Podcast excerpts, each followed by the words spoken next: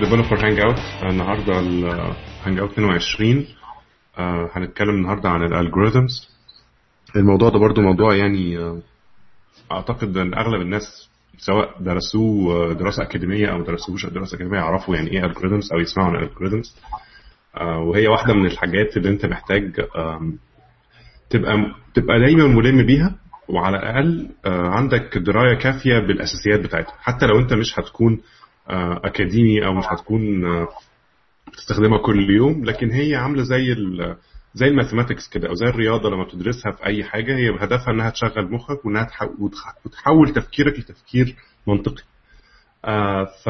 وطبعا مع الوقت بتلاقي أنت لا اراديا بتستخدمها في شغلك وبتستخدمها في حاجتك وبتحول الكود بتاعك دايما لحاجة ليها معنى باستخدام ال algorithms يعني دايما كان أكتر تشبيه أنا بحبه لل algorithms إن هي عاملة زي. زي وصفات الطبيخ يعني آه، انت ممكن تبقى بتكتب بتطبخ أي حاجة بتحط أي حاجة على أي حاجة آه، لكن ممكن تبقى ماشي على recipe معينة أو على وصفة كويسة تطلع الحاجة مظبوطة. فيعني ده إلى حد ما آه، بيديني انطباع على إن إيه- ليه ليه ال algorithms مهمة. ال algorithms هي الاساس بتاع ال coding ال coding من غير ال algorithms هيبقى ملوش معنى. المعنى بتاع اللي أنت بتكتبه هو ال algorithm سواء أنت كنت من اراديا أو لا اراديا بتحاول تكتب كود فهو في algorithm بس ال algorithm اللي انت كاتبه لو انت مش مش حاطط حاجة في دماغك هيطلع algorithm ملوش معنى أو algorithm سيء. ف... فدايما بتبقى محتاج إنك أنت تفكر في ال algorithm اللي أنت بتكتبها أو بتكتب إيه. حتى لو أنت بتكتبه ده مش حاجة مش شايف إنها حاجة مهمة قوي بس ساعات إنك أنت تفكر الأول قبل ما تبتدي تكتب آه، بيفرق كتير جدا. ف يعني أنا مش عايز أنا طبعا مش مش هدرس algorithms بس أنا عايز أشوف برضو آه، مدى ال- تقبل الناس لل- للموضوع. فانا عايز أعرف بس على الأقل في كام حد على الأقل يعرف عن ال algorithms قبل ما نبتدي نتكلم من الموجودين؟ آه ولو حد عنده already أسئلة outright يعني عايز يسألها آه ممكن نبتدي فيها. طيب واضح في ناس بت بتقول plus 1 أهو إن هم عندهم درايه بال algorithms وده كويس آه لأن إحنا طبعا مش هنقدر إن إحنا ندي course algorithm يعني. بس هو في الآخر ال algorithms يعني من الحاجات اللي انت محتاج اللي هي سهلة قوي إنك أنت حتى لو ما درستهاش إنك أنت تبتدي تقرأ فيها. الموضوع مش مش معقد يعني. plus إن في كمية resources دلوقتي اونلاين موجودة كبيرة جدا آه، سواء كورسات جامعات محترمة أو كورسات آه، آه، اونلاين تتفرج عليها أو تشارك فيها في حركات على زي على كورسيرا أو كده. إحنا حتى كنا لسه حاطين على ال page آه، ال course بتاع كورسيرا بتاع algorithms part 1 أعتقد. آه، وال course آه، سهل جدا إنك أنت ممكن تبتدي فيه بسرعة يعني. plus إن هي غالبا آه، يعني دايما هتلاقي لو لو أنت مش أول مرة أو أنت مش قوي مش مش مش فاهم قوي ال algorithms أو ما درستهاش هتلاقي دايما ال algorithm تيجي معاه اللي هي data structures وهو فعلا في الآخر هم حاجة زي يعني وجهين لعملة واحدة. الهدف إنك ما ينفعش تشتغل algorithms pure من غير data structure مش ينفعش تشتغل data structure من غير أصلا بتعمل حاجة يعني. فالاثنين دول مهمين. يعني لما تيجي تقرا في ال algorithms هتلاقي دايما بيتكلم مثلا آه، بيتكلموا مثلا في في ال sorting وبعد كده ممكن يقول لك مثلا طب لو هت- هت sort مثلا هت sort array ولا هت sort linked هتلاقي دايما بقى عندك الجزء بتاع ال data structure ظهر على طول. آه، ما ينفع لأن أي representation لل data من غير ما يكون ليه معنى لازم المعنى بتاع ال representation ده هو هو data structure انت أنت بت- بت- بتشرح إيه يعني؟ ف فده يعني زي مقدمة كده يعني بسيطة قوي عن ال algorithms يعني ما ما أعتقدش إن هي يعني فيها استفاضة أو أي حاجة يعني إحنا ممكن نبتدي نتناقش على طول لو حد عنده آه، حاجة لو حد عنده أنا فاكر أنا فاكر إسلام حتى بالذات أنت كنت قريب كنت داخل في في المسابقة بتاعت جوجل كود أو حاجة زي كده صح؟ مظبوط تمام كنت طيب دي كان. كانت أول مرة بصراحة بالنسبة لي. كنت تقريبا لسه في سنة تانية كلية. وموضوع ال algorithms ده ما كنتش أسمع عنه بصراحة قبل الكلية يعني. كنت شغال programming قبل كده بس ما يعني في في كلامي مع ناس أصحابي ما كانش بيجي سكة الكلام ده خالص. لكن لما دخلت الكلية وعرفنا إن الحاجة دي مهمة ولازم تكون عارف الحاجات دي بدأت أهتم بيها وكده وجربت أدخل المسابقة بتاع المسابقات اللي بتتعمل على ال- على الإنترنت دي. منها كود جام وتوب كود والحاجات دي كلها. بس كانت أول تجربة بتاعت كود جام السنة اللي فاتت. آه، كانت حاجة مميزة بصراحة يعني. حسيت إن هي حاجة مهمة ولازم نهتم بيها. دخلت جربت بس ما ما كملتش للآخر يعني. للأسف كانت المواعيد مش مظبوطة وكده وحاجات صعبة وبتاع. هو مش هو أصلا الهدف إنك أنت تبتدي. يعني هو آه أنا أنا عمري ما دخلت أنا عمري ما دخلت مثلا مسابقة من المسابقات اللي هي الكبيرة بتاعت كود جام والكلام ده. عمري ما كملت للآخر حتى ودخلت ما فيش وقت اغلب الوقت. بس فاكر إنك أنت دايما بت عارف بت... المذاكرة بتذاكرها في الأول وإنك تقعد تكتب شوية كود بهدف إنك تتعلم algorithms أو تخش في مسابقة. بالظبط. ده في حد ذاته كفاية أحيانا عليك لو أنت بس بتشتغل يعني بتشتغل لنفسك يعني إن انت قد الموضوع حتى أو يعني انت آه أنت تمام ممكن تكمل. مش شرط توصل للآخر. بالظبط. وهي في الآخر ال algorithms يعني ممتعة. يعني أنت لما بتبتدي تقرأ فيها وتبتدي تطبقها بتحس بفرق كبير قوي بين الكود اللي انت كاتبه عشان يحل مشكلة وخلاص وإن الكود اللي انت كاتبه ماشي على algorithm معين هدفه يحل المشكلة دي. بتبتدي تعرف يعني إيه إنك أنت تبقى حل إنك تحل المشكلة من كل جوانبها لأن ال algorithms من ضمن الحاجات اللي هي دايما تكون آه, آه بالظبط كل الاحتمالات اللي ممكن تحصل من المسألة لازم تكون حاططها في حساباتك علشان يبقى ال algorithm complete آه وغير بقى مع الوقت بتبتدي كمان تتعرف على أنواع معينة من المشاكل. يعني ال algorithms بتعرفك patterns معينة من من أنواع المشاكل. في أنواع مشاكل مثلا زي ال searching وزي ال sorting وزي مش عارف ال hashing والحاجات دي. و plus بقى لما تبتدي تتعمق شوية بقى هتلاقي مثلا حاجات زي زي ال NP-complete problems والحاجات اللي هي بالمنظر ده اللي تبقى عارف من الأول وأنت بتقرأ المشكلة إن المشكلة دي إذا كانت مشكلة أصلا صعبة ولا مشكلة سهلة ولا مشكلة فيها حلول already ممكن تستخدمها و...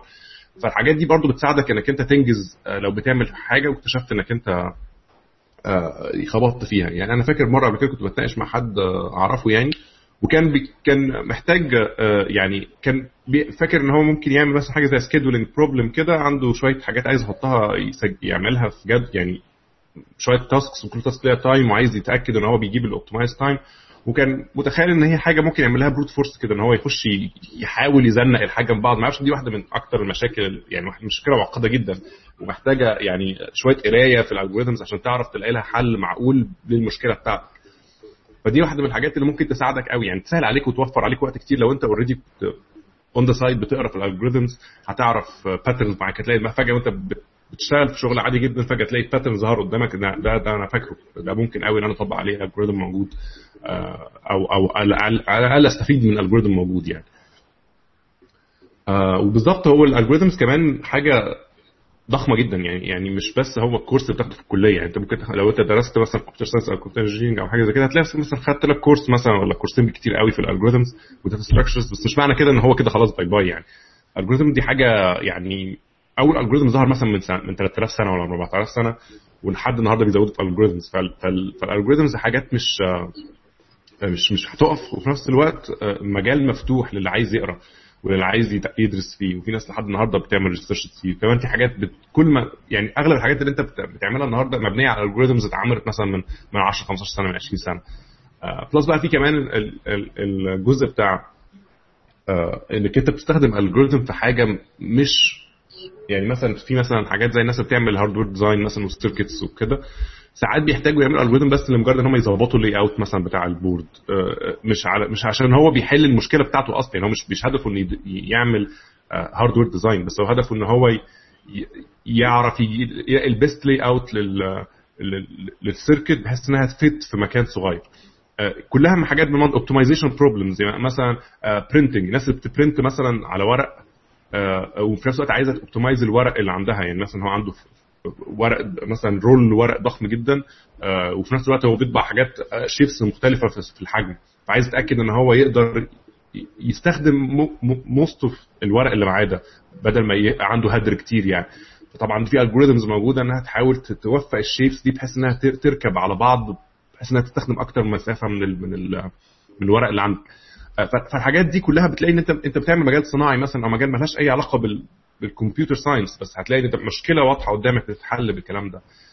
فهي ملهاش علاقة قوي بال يعني واحد من المجالات ممكن تدرسها لأي حد في الدنيا لأنها كمان في جزء كبير منها mathematics فمش مش حاجة يعني مرتبطة ارتباط رهيب بال بالبرمجة يعني. هي هي هدفها البرمجة واحدة من وسائل تطبيق ال algorithms يعني لكن هي في الآخر الهدف منها أعلى من كده كمان يعني.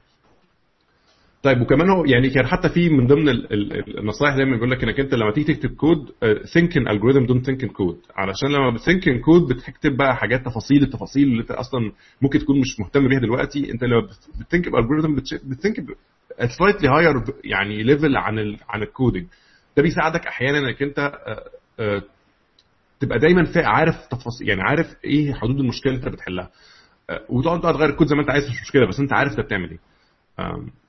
فدي كمان حاجة مهمة. plus إن في جزء كبير جدا من الاهداف بتاعت ال algorithms بالنسبة ل مش مش أهداف زي ما تقول كده اللي هو الفوائد إنك تتعلم algorithms كتير.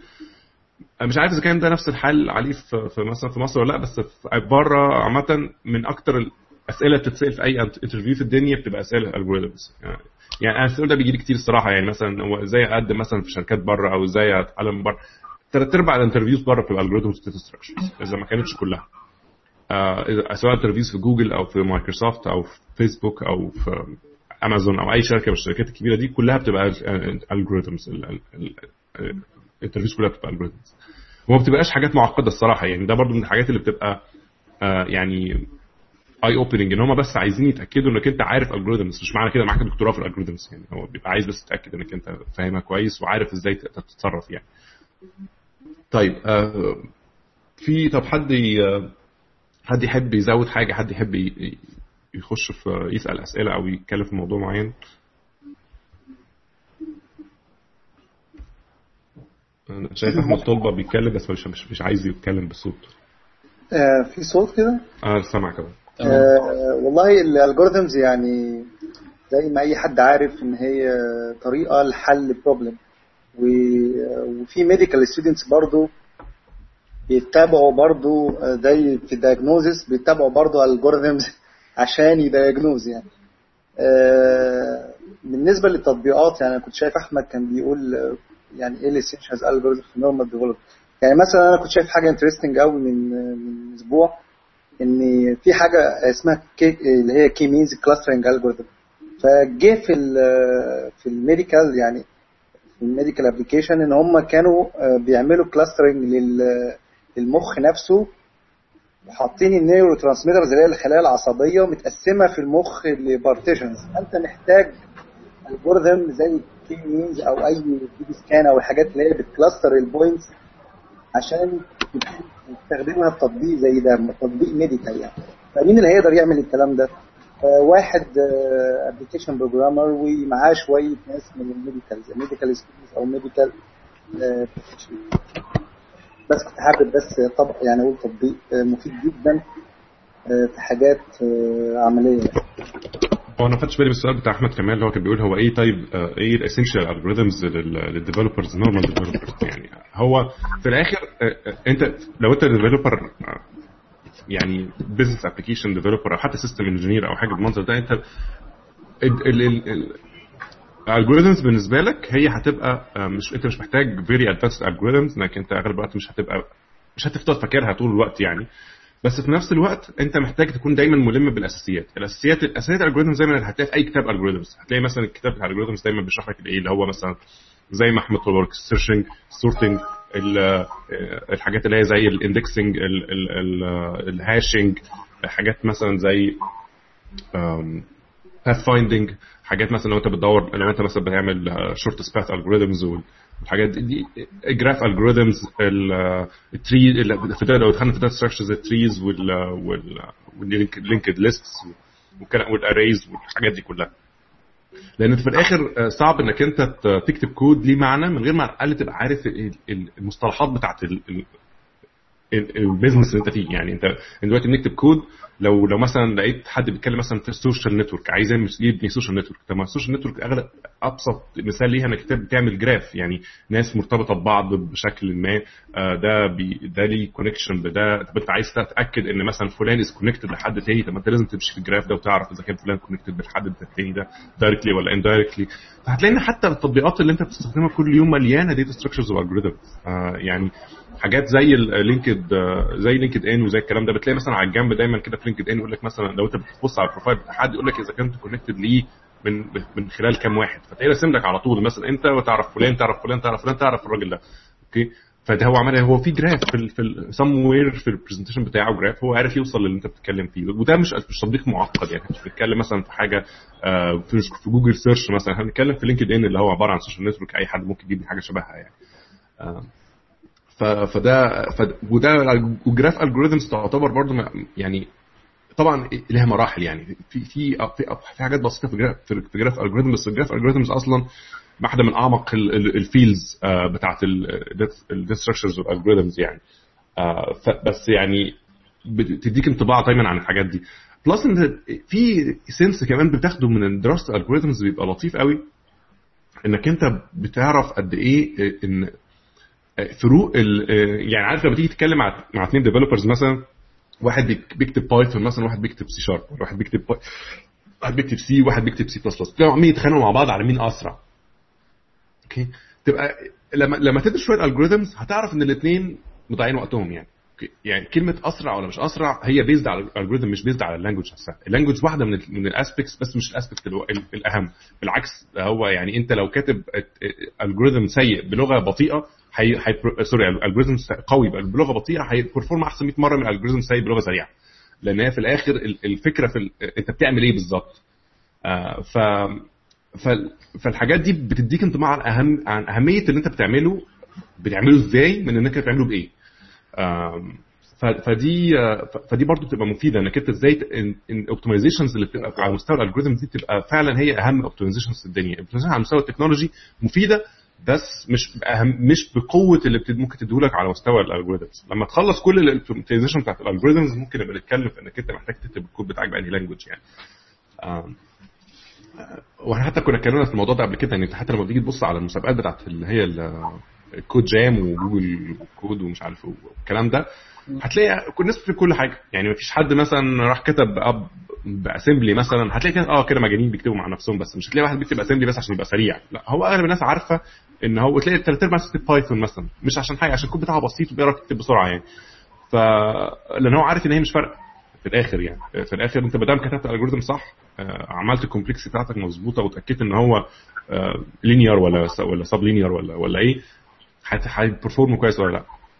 يعني مثلا لما تيجي تبص على دايما هتلاقي مثلا في أول كتب ال algorithms مثلا مثلا تدرس sorting مثلا هتلاقي مثلا في 10000 طريقة ت sort بيها. فلما تيجي تبص على two algorithm مثلا بتوع sorting سواء مثلا زي مثلا insertion sort و merge sort مثلا أو أو أو quick sort فلما هتلاقي إن الفرق ما بين ال algorithm اللي هو ال insertion sort مثلا اللي هو بيبقى quadratic time مثلا ولا ولا اسمه إيه ده merge sort اللي هو log n log n مثلا هتشوف إزاي انك انت ممكن لو ال quadratic time algorithms دي لو انت لو انت مهما جبت لها processing power فهي actually بت gets gets worse مع الوقت. لانك انت الم- المشكلة يعني ال algorithm بيبطئ أسرع بكتير من من من المكنة لما تبقى أسرع يعني فاهم؟ يعني يعني انت لما تتكلم في n squared إن هو هو يعني بتتكلم في algorithm مثلا الكمبيوتر n squared فأنت حتى لو جبت آه، مكنة قوية جدا ف- فهت hit ال limit بتاعها بسرعة قوي لأن هو بي- بيبطئ أسرع بكتير من المكنة ما, ما, تقدر تلحقه لكن لو جبت algorithm linear مثلا تقدر إنك أنت ت... يعني algorithms ال linear مثلا هي مثلا سواء بت... ماشية مثلا سي سواء ان أو يعني سواء مثلا لوج ان لما تديها بروسيسنج باور هتديك تروبوت بنفس المعدل اللي أنت اديتها بروسيسنج باور بيه.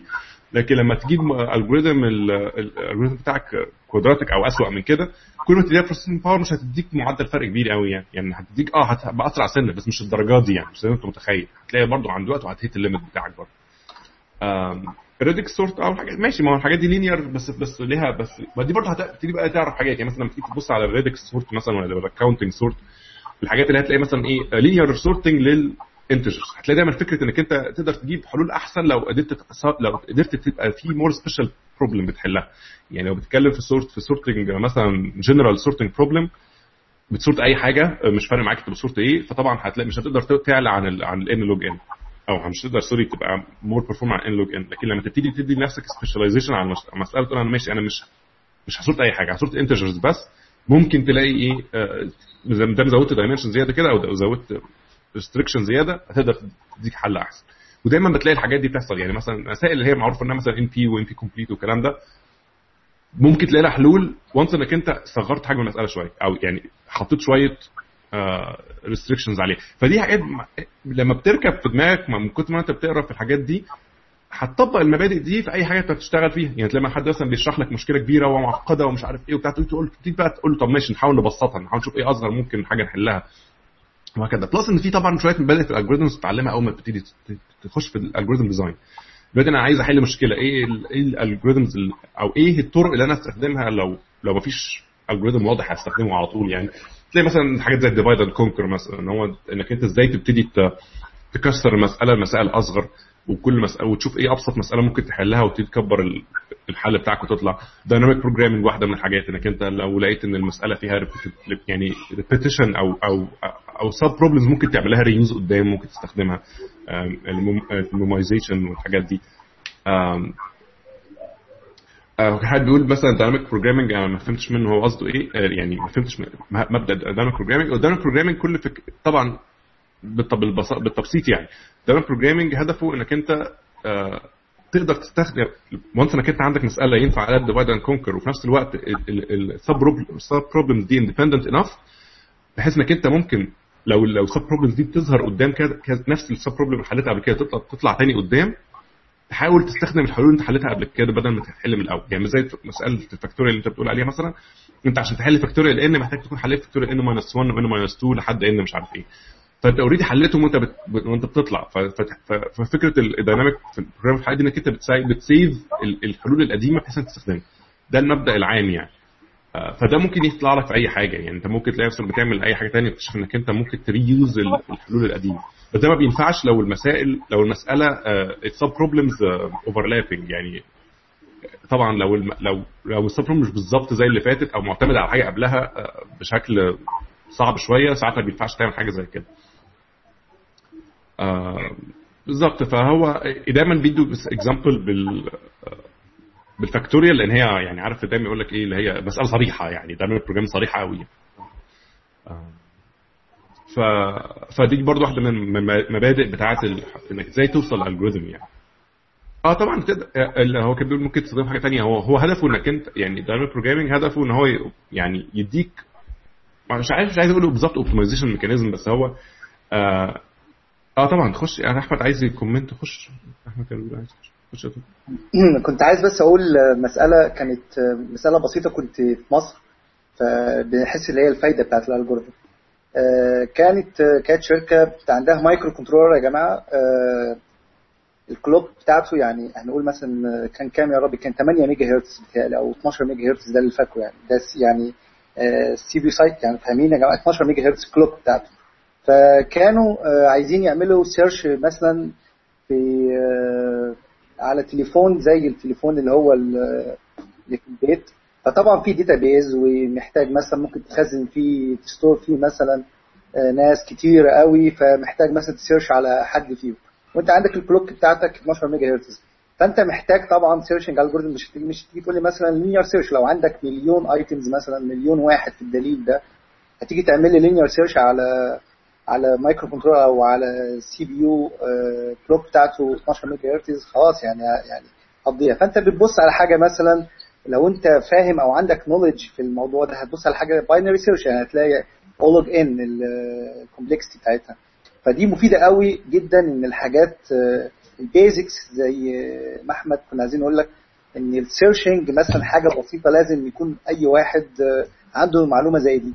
وإلا هيبقى الحاجة بطيئة خالص ال code execution بطيء وهتلاقي بي search مثلا ربع ساعة مثلا فدي حاجات من الحاجات المهمة قوي ال factors المهمة قوي اللي هو أي واحد لازم يكون عنده ال basics information في الحاجات اللي هي ال searching ال sorting الحاجات اللي هي إزاي ت tackle problem عن طريق dynamic programming أو divide and conquer والكلام ده. كان في سؤال برضو حد حطه على الفيسبوك page كان بيسأل طب أنا مثلا دلوقتي Oracle developer أو واخد كورس Oracle development طب أنا إيه يفيدني ال algorithms في حاجة زي كده؟ فمثلا ده أبسط حاجة لو أنت بتتكلم في إنك أنت حتى لو database developer يعني حتى مش شايف إنك أنت بتكتب كود له علاقة بال algorithms طب أنت هتفهم إزاي مثلا حاجة زي ال query plan إنك أنت جاي تشوف ال algorithm أنت كاتب query وعايز تتأكد ال query ده سريع ولا بطيء أو في أحسن منه ولا لأ ف في أبسط دايما في ال في ال database systems مثلا بتقول اديني ال query plan دي اللي هو يقول لك estimated plan إزاي ال query ده ه run. هتلاقي ال query plan دي كلها عبارة عن حاجات زي كده يقول لك مثلا إحنا هنستخدم ال index الفلاني وبعد كده هنروح مثلا نعمل hash lookup مثلا أو بعد كده هنعمل nested loops ومش هتلاقيه رسم لك حتى لو استخدمت في ال SQL Server أو استخدمت حتى MySQL هتلاقي كده tools ساعات بترسم لك شكل ال query plan ماشية إزاي. فأنت إزاي هتقدر تحكم ما بين two query plans غير لو أنت فاهم معنى إيه hash lookup ومعنى إيه إن أنا عندي مثلا nested loops على حجم ال data؟ إزاي هتقدر تقدر حاجة زي كده؟ دي واحدة من ال examples يعني. وبرده حاجة زي ال indexing أنت إزاي هتبقى فاهم فايدة ال indexing من من غير ما تبقى برده فاهم المبدأ اللي هي اتبنت عليه أساسا. إزاي هتفهم يعني إيه join وإزاي ت... بمعنى اللي هو إزاي عندي two data entities أو إزاي حاجتين بي join وا مع بعض على ال common interest أو sorry ال common fields اللي ما بينهم آه وإزاي أخلي الموضوع ده أسرع وإزاي أصلا بيشتغل. ساعات لما بتبقى علشان تفهم حاجة هتبقى عايز تفهم هي بتشتغل إزاي أصلا. آه فتبقى فدي حاجات هتديك دايما ال behind the scenes اللي بيحصل بقى. فده طبعا شيء مهم يعني. plus إنك أنت مش لازم تعرف كل حاجة في ال algorithm طبعا مفيش حد في الدنيا يعرف كل حاجة في ال algorithms إلا طبعا الناس معينين قليلين قوي في الدنيا يعني. آه بس أنت أنت على الأقل تبقى عارف حاجة عن الموضوع يعني. تبقى دايما عارف إنك أنت لما تيجي تقرأ حاجة تبقى فاهم إيه اللي بيحصل. في مثلا يعني في حاجات أنت بتعملها حتى وأنت مش عارف algorithms يعني أشهر طريقة ناس تلعب كوتشينة مثلا. في أي حد يلعب كوتشينة تلعب estimation ولا تلعب ترنيب ولا تعمل أي حاجة. أول ما الناس تمسك الورق في إيدها أول حاجة بيعملوه بيعملوا insertion sort على طول okay؟ أص... دايما يعني هو وهو مش عارف إنه عارف إنه بيعمل algorithm بتاع insertion sort بس هو actually بيعمل insertion sort هو واخد ورقة من على من على الأرض ويحطها في مكانه وبعدين ياخد اللي بعدها يشوف قبلها ولا لأ. هو بيعمل insertion sort بس هو ما يعرفش اسمه كده. فهتلاقي دايما في حاجات في ال algorithm كده بتبقى natural جدا. أنت بس محتاج تعرف اسمها ومحتاج تعرف هي بتعمل إزاي. فال algorithm تبقى ممتعة في الحتة دي إنك أنت بتلاقي نفسك إنك حاجات ممكن في حياتك العادية تبقى optimized قوي لأنك أنت عارف شوية algorithms يعني. فدي بتبقى لطيفة يعني. إزاي إزاي تتعلم الحاجات دي من باب حتى يعني pure fun يعني مش علاقة قوي حتى بالشغل يعني. ودايما الحاجة اللي بتبقى ممتعة كده بتلاقي نفسك بتستخدمها في أكتر من حاجة لأنك أنت حاسس إن هي مفيدة وحاسس إنها يعني فيها فايدة حتى أكبر من مجال المجال بتاعك أنت لوحدك يعني. كمان في جزء اللي هو إن ال algorithms بتحل اللي هو النوع من المشاكل اللي هو بيسموه ال structured problems يعني اللي هي المسائل اللي ممكن تعمل اللي, بيبقى غالبا ليها حل أو ليها حل واحد أو ليها يعني انت بت sort مثلا فانت هتوصل ل sort ال algorithm. لكن مثلا حاجات زي مثلا اللي هي ال learning وال searching sorry وال machine learning والكلام ده دي بتحل بقى جزء ال algorithms مش مش بتبقى 100% فيه يعني. فده موضوع أكبر شوية. يعني كان في برضه ناس بتسأل تبعت لي أسئلة لها علاقة بال machine learning والكلام ده. ال machine learning يمكن بيحل مشاكل ال algorithm ما تقدرش تحلها لك 100% فهو بيحاول يديك حلول estimated يعني. حلول أقرب للحل الأصلي لأن محدش يقدر يوصل قوي للحل الأصلي يعني. آه ف فده ممكن نبقى أنا شخصيا مش خبير في ال machine learning بس لو في حد ممكن. يبقى ليه في الموضوع ممكن نبقى نعمل مرة زي آه hangout على ال machine learning يعني. طيب في حد طيب يحب يسأل حاجة أو يحب يزود حاجة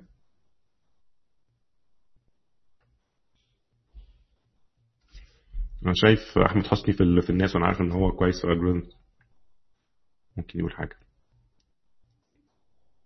بزنق الناس أحيانا عشان يتكلموا. آه كان لازم يعني حسام يعني أنا قاعد باكل لازم. ما ينفعش. طيب هو آه يعني هو طبعا إن الواحد يتعلم algorithm وإن هو ي... آه يبقى عنده experience كفاية بال algorithm هو موضوع مفيد جدا. إحنا كانوا بيعملوا عندنا في الكلية يعني أيام لما كنا في الكلية في مرحلة من المراحل كانوا بيعملوا مسابقات كده عشان ACM وحاجات زي كده كنا أحيانا بنشترك فيها وحاجات زي كده. الفكرة الفكرة طبعا إنه الواحد لما لما بيبقى عنده قدره على إن هو يحل يحل مشاكل وبيبقى بيفكر بالموضوع بشكل structured وكده فأي مشكلة بتقابله في حياته بيحاول يفكر فيها بنفس الشكل. فبعيد عن استخدام الكلام ده في ال في ال programming الكلام ده مفيد في حياتك الشخصية. ف مهم إن الواحد يكون فاهم إزاي مثلا يقدر يعمل الحاجات ال basics اللي في حياته حاجات زي sorting حاجات زي searching الكلام ده هو بيعمله بيعمله تقريبا طول الوقت. إزاي لما يجي له أي problem يبتدي ي divide ال problem دهيت يبتدي يلاقي ال components اللي في بينها وبين بعض علاقة أو اللي, ما فيش بينها وبين بعض علاقة بحيث إن هو يقدر يحلها يقدر يجيب السب بروبلمز بتاعتها ويبتدي يحلهم كلهم مع بعض في نفس الوقت. مع الأسف يعني في في أغلب ال أغلب الشركات اللي الواحد اشتغل فيها كانت كان الموضوع ما بيبقاش ليه علاقة قوي بال, بال باستخدام algorithms يعني آه، في الوقت الحالي مثلا أنا أنا بكتب APIs ملهاش علاقة قوي ب algorithms بس في نفس الوقت ال APIs في الآخر زي ما حسن كان بيقول بت connect على database لازم أتأكد إنه ال queries اللي هت run على ال database تبقى optimized لازم أتأكد إن ال indexes موجودة في مكانها الصح. وحاجات زي كده بحيث إنه ال ال الدنيا تشتغل مظبوط. أنا في في حاجات كده مثلا آه، طبعا الفرق الفرق بيكون شاسع ما بين حاجة بتشتغل في في time في time n square وحاجة بتشتغل في time n log n مثلا كان عندنا في الشغل production issue عند بنك آه إنه البنك transactions آه بتجيله وال transactions دي بت fail لأنها بتاخد وقت طويل جوه ال جوه جوه ال components وطبعا الحاجات دي بتبقى revenue impacting فلازم تتحل فورا. فاللي حصل إن إحنا لقينا إنه في البنك عملوا drop ل index معين. مجرد إن هم عملوا rebuild لل index وابتدوا ي... وابتدى ال application يشتغل تاني ال time اللي, اللي بقى بيتاخد قل من من 1 second نزل ل 0.1 seconds. فيعني ال performance improvement كان مهم جدا.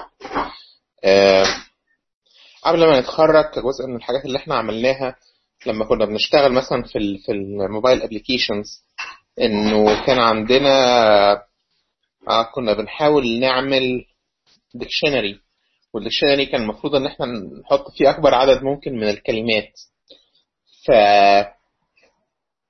ساعتها طبعا كانت 2005 كانت ال mobiles يعني ال processors بتاعتها ما يعني حالتها فظيعه يعني مش مهم. ف فإزاي إن إحنا إنه إن أنت تدور على إنه إذا كان إذا كانت في function معينة أنت محتاج انه ال user يعملها سواء كانت search أو sort أو أي حاجة إزاي حتى بتبني ال data structure بتاعتك بحيث إنها تبقى optimized لل sequence اللي المفروض إنه ال user يمشي عليها. يعني مثلا لو حاجة زي ال dictionary أنت عارف إن أنت في أغلب الوقت بت search على كلمات وبت search عليها من البداية. فإحنا مثلا كنا بانيين ال data structure بتاعتنا على شكل tree بحيث إن أنت كل اللي بتعمله إن أنت بت traverse tree دي بأسرع ما يمكن بحيث ان انت تقدر توصل للكلمة وتقدر تجيب المعاني اللي قدامها. حاجات زي كده كتير يعني. كان في حد برضه بيسأل في ال Facebook page على كتب إيه أحسن كتاب أو إيه الكتب اللي ممكن يبتدي بيها للمبتدئين يعني. ففي كتاب أنا بحبه شخصيا مش عارف إذا كان الناس يعني ممكن تحبه ولا لأ اللي هو كتاب اسمه Introduction to Algorithms. الكتاب ده مشهور قوي يعني واحد من أشهر الكتب في في المجال ده. هو كتاب اسمه Introduction to آه بس هو فيه كلام كتير يعني. وده الكتاب ده ميزته كمان إن هو المحاضرات بتاعت ال author بتاعه موجودة هو راجل في MIT وهو بي.. والمحاضرات بتاعت ال course كله موجوده على على يوتيوب وموجوده على Academic Earth والحاجات دي. فممكن تبقى بتتفرج على المحاضرة الراجل بيشرحها وتبقى معاك الكتاب فكأنك قاعد في ال classroom يعني.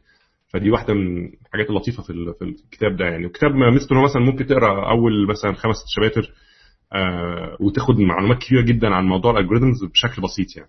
هو بس يمكن اللي يعيبه حاجة واحدة إن هو مش بيكتب بلغة برمجة معينة هو بيكتب pseudo code آه فأنت يعني إيه لو أنت مش هتبقى أنت عايزه مثلا بلغة برمجة معينة ممكن تدور على كتاب تاني مثلا سي algorithm in Java ولا الجوريزمز ان سي شارب ولا بتاع لو أنت عايز تبقى أو أنت ممكن تاخد أنت البرامج تكتبها باللغة اللي أنت عايزها يعني. آه طيب آه كان في حد بيسأل طبعا دلوقتي إحنا أنا شغال في الشركة بتاخد كود قديم وتحطه في في البرنامج في البرامج الجديدة أعمل إيه عشان أضبط ال algorithm عندي؟ هو مبدئيا ما تربطش نفسك قوي باللي أنت بتعمله النهارده. يعني ده ده ده نصيحة ممكن عامة يعني. يعني أنت لو أنت شايف اللي أنت بتعمله النهارده مش علاقة بال algorithms مش معنى كده إن أنت مش هتقدر تعمل حاجة لها علاقة بال algorithms طول حياتك. انت انت اغلب الوقت بت... ممكن تاخد انك دراستك لأي حاجة في الدنيا سواء بتدرس algorithm أو بتدرس لغه برمجة أو بتدرس technology أو بتدرس كأنها نوع من investment في شخص في شخصك أنت.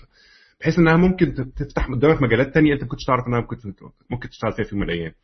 آه فما تبقاش دايما حاطط في حساباتك إن أنا النهارده بعمل إيه أنا محتاج في محتاج فيه X ولا لأ لو أنا مش محتاجه مش هعمله.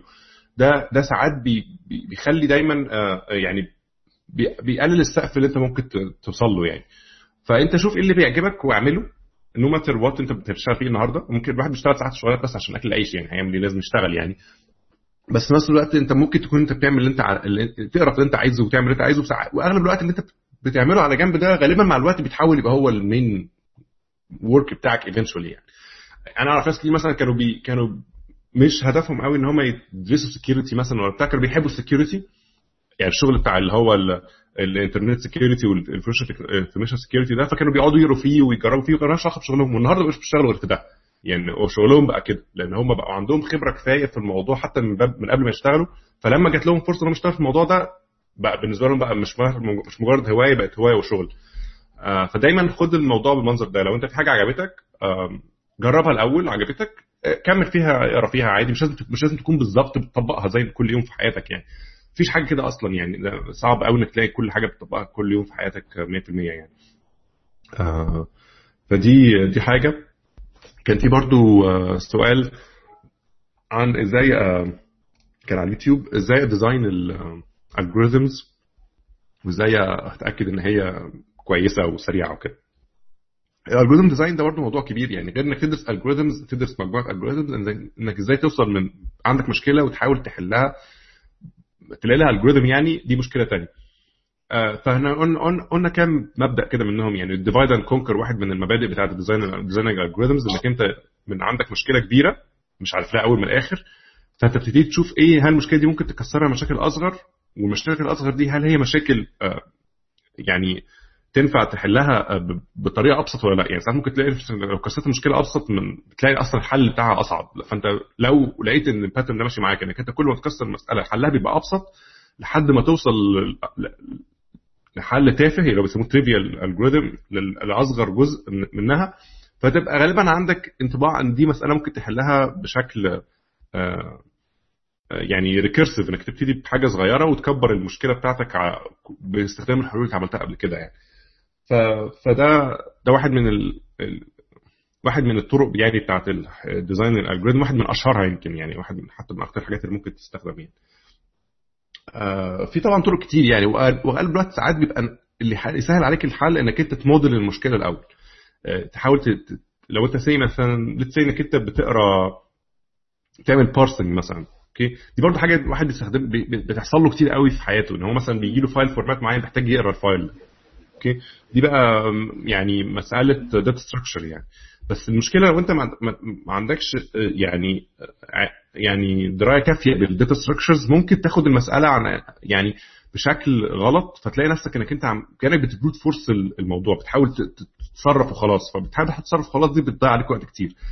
أنت لو بتقرأ file structure طب إزاي ت represent ال file structure ده في ال memory؟ إزاي تعمل له object model مثلا؟ وإزاي تستخدم ال object model ده going forward وازاي ت design ال object model مع ال مع الكود بحيث إنك أنت تطلع performance كويس. plus ما فيش حاجة بتطلع من أول مرة perfect يعني أنت دايما بتطلع أول algorithm وبعد كده لو أنت بقى عايز ت optimize ال optimization كمان ليه طرق. يعني إنك أنت أول بتحسب حاجة اللي هو ال baseline هو اللي أنت ابتديت ب algorithm مع يعني ابتديت ب design معين وال design ده باستخدام test معينة وصلت إنك أنت ده ال performance بتاعه مثلا بترسم ال baseline بتاعك. تبتدي تطور فيه شوية وتعمل نفس ال test وتشوف هل ال performance بتاعك عالي ولا لأ. plus إنك أنت لو بتكتب algorithm أنت ممكن تحسبها بمجرد يعني بال analysis يعني تعرف ال algorithm بتاعك ده يقع في أنهي category يعني. ده هل ده في ده برضه محتاج إن تكون عشان تكون قريت شوية في ال algorithms عشان تعرف اللي هو اللي هو ال asymptotic analysis ده اللي هو إزاي هل ال algorithm بتاعك ده O of n ولا O of log n ولا O of constant ولا O n squared ولا ولا exponential ولا ولا إيه؟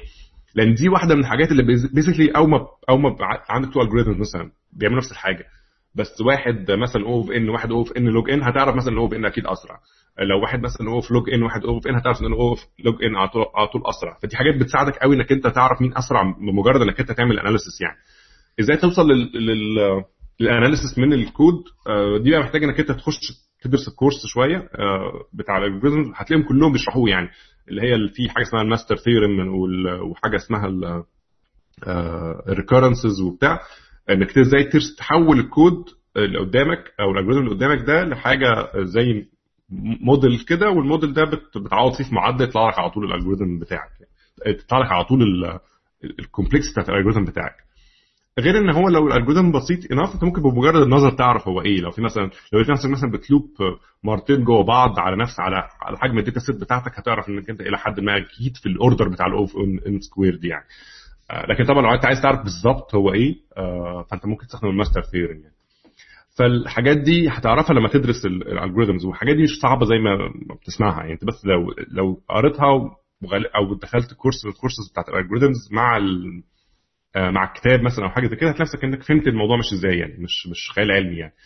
plus إنك أنت دايما تخيل إن ده آه، يعني مثل ال algorithms إن هي بسيطة لدرجة إن بيدرسوها أغلب الناس اللي بتدرس computer science سنه اولى يعني ده واحد آه، بيدرسها مثلا آه، شاب مثلا لسه طالع من ثانويه عامه يعني ما عندوش أي نوع من ال special requirements كانت معاه علشان يعرف يدرس الموضوع ده. فأنت حتى لو ما دخلتش computer science فده أنت بتتكلم في أول أسبوع في computer science يعني أنت مش مش بتتكلم في حاجة متقدمة قوي أنت ممكن تدرس ده في أي وقت يعني. وهيفرق معاك كتير قوي once انك أنت ابتديت تدرسه هيفرق معاك كتير قوي آه فدي حاجة من الحاجات اللي أنت ممكن تبتدي تدرسها كويس قوي يعني أغلب الناس ممكن تلاقي مثلا واحد عمره ما مثلا واحد ما درسش computer science which is okay يعني بس عارف عارف database مثلا وعارف coding وعارف طب انت عارف حاجات كتير قوي. طب algorithms حاجة زيها يعني الموضوع مش مش معقد يعني الموضوع بسيط يعني. آه فدي حاجة أنا أنصح يعني اللي عايز يطور قدراته إن هو يبتدي يقرأ في ال algorithms يعني. طيب آه لو حد عنده أسئلة تاني آه ممكن يبعتها لي ولو حد عايز. يقول حاجة في الموضوع برضو جو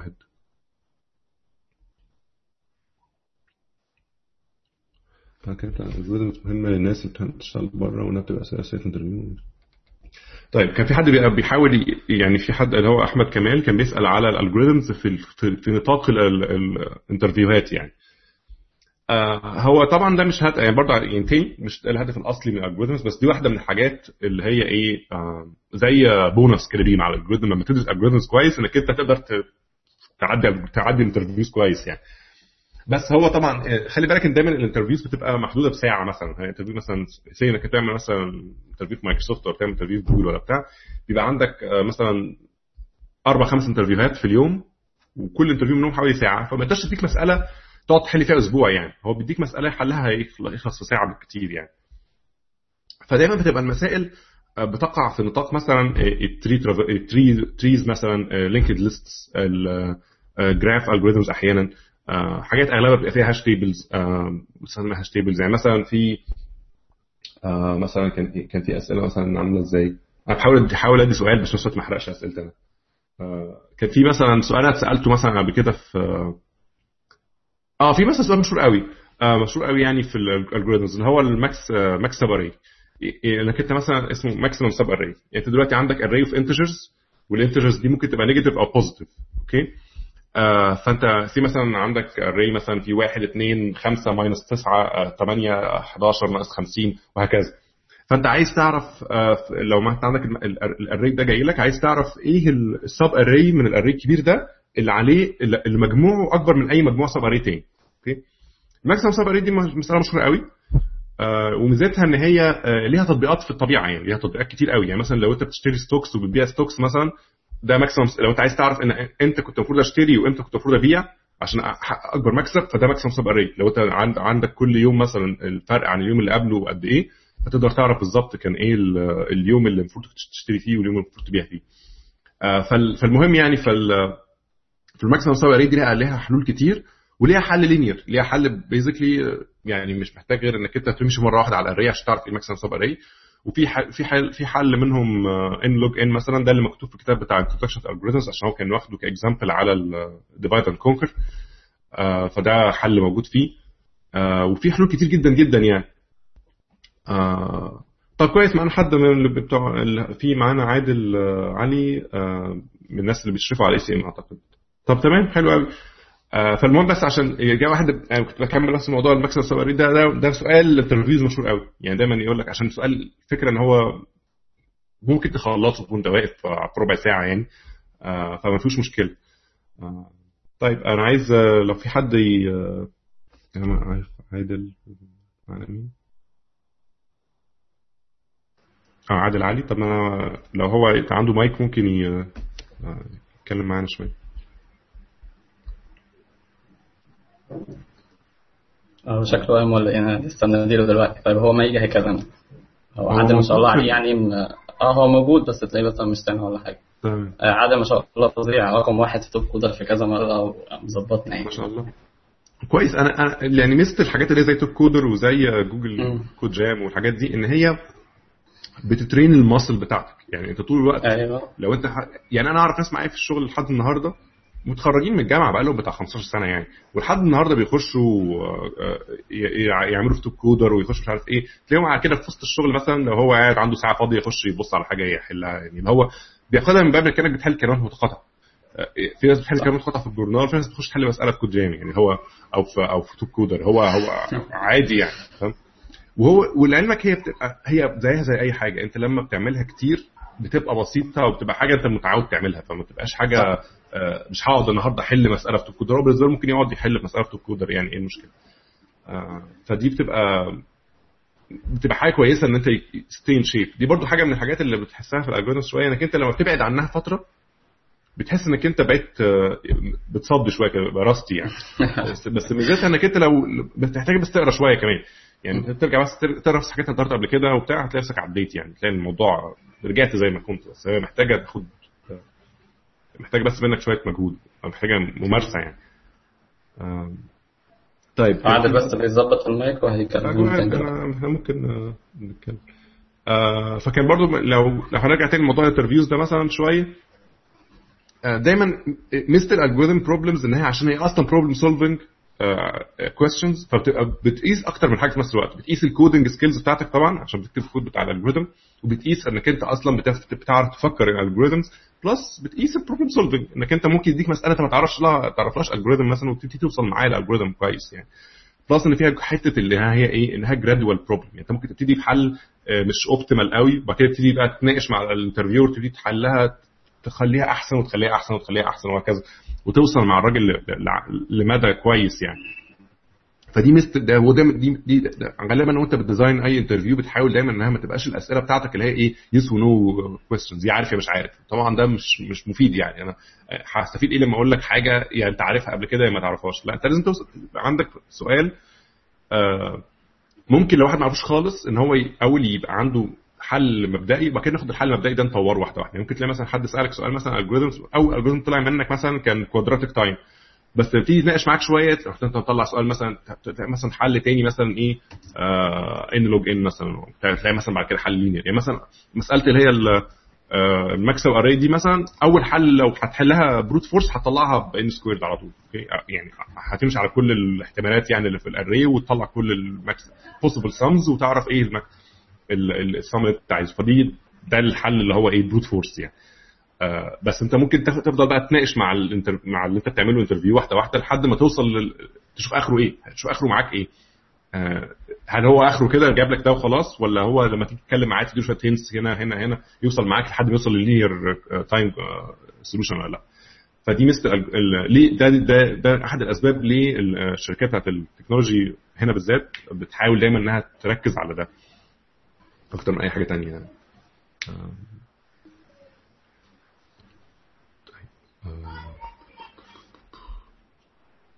طيب. حد عنده آه، أسئلة تاني؟ طيب آه، لحد ما آه، مع حد عادل ما يظبط المايك؟ عارف ما اللي هطلبه إيه ده المايك دي آه، بالنسبة لكتاب كورمان ده اللي هو يسموه CLR يعني اللي هو الاختصار بتاعه كان في يعني لو الناس اللي هي فاكرة لو بدأت تقرأ فيه وشايفاه إن هو آه، صلب شوية أو إن هو مش مش friendly قوي في كتاب آه، اسمه Algorithms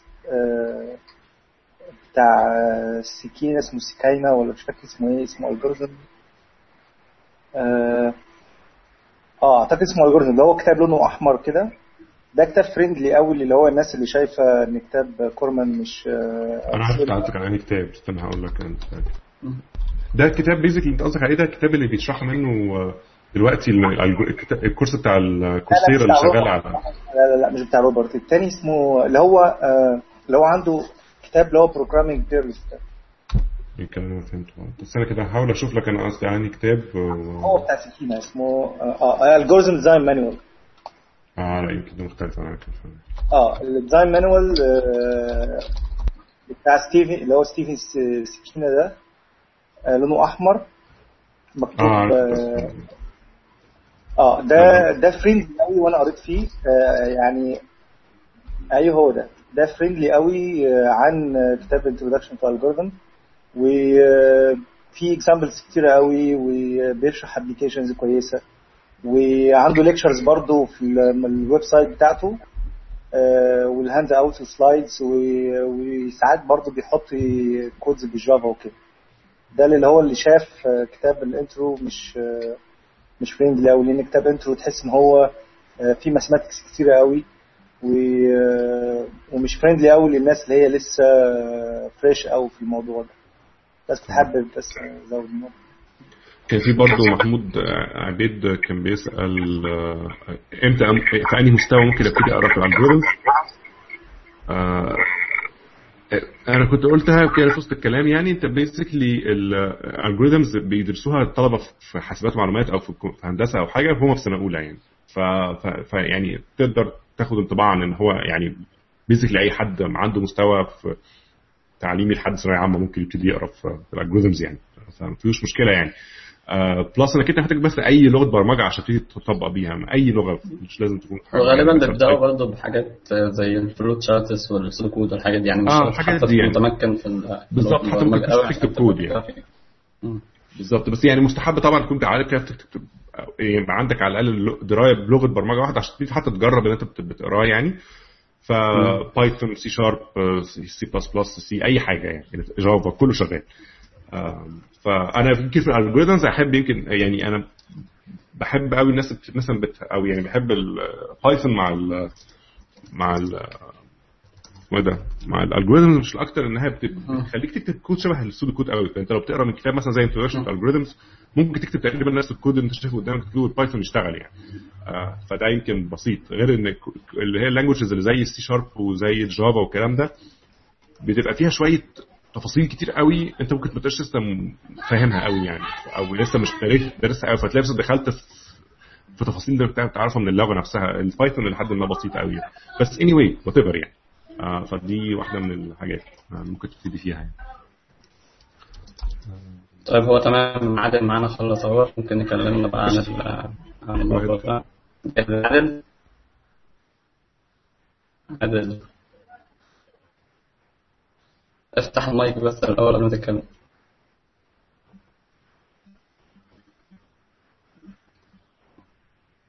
لا سامعين سامعين شكل في مشكلة عنده. في علامة مايك فوق كده اتأكد أنت مش عامل ميوت الأول. وتأكد برضو في آه، فوق جنب علامة المايك دي في settings اتاكد بس إنك أنت لو عندك أكتر من مايك أنت مختار المايك اللي أنت عايزه. آه آه تمام. settings. يعني ساعات في مايك جوه الكاميرا مثلا في مايك جوه ال- اللابتوب في مايك؟ أنت مركبه. ألو؟ أه تمام كده. تمام. آه تمام كده.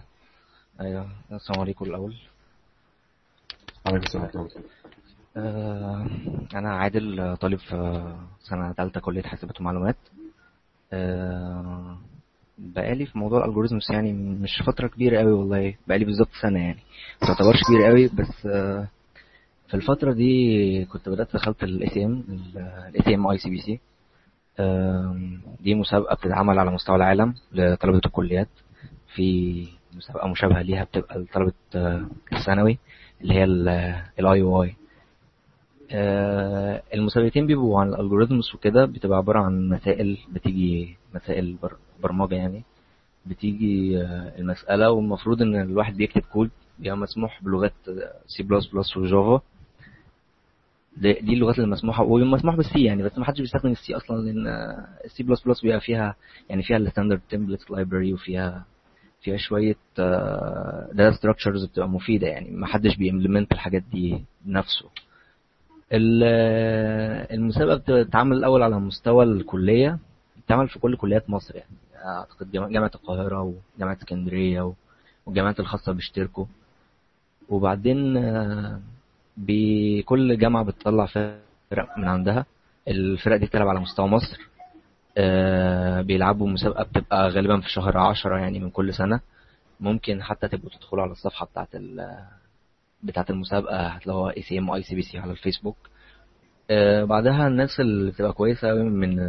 على المستوى المصري يعني وكده جامعات بتطلع تشارك على مستوى ال- ال region بتاعتها.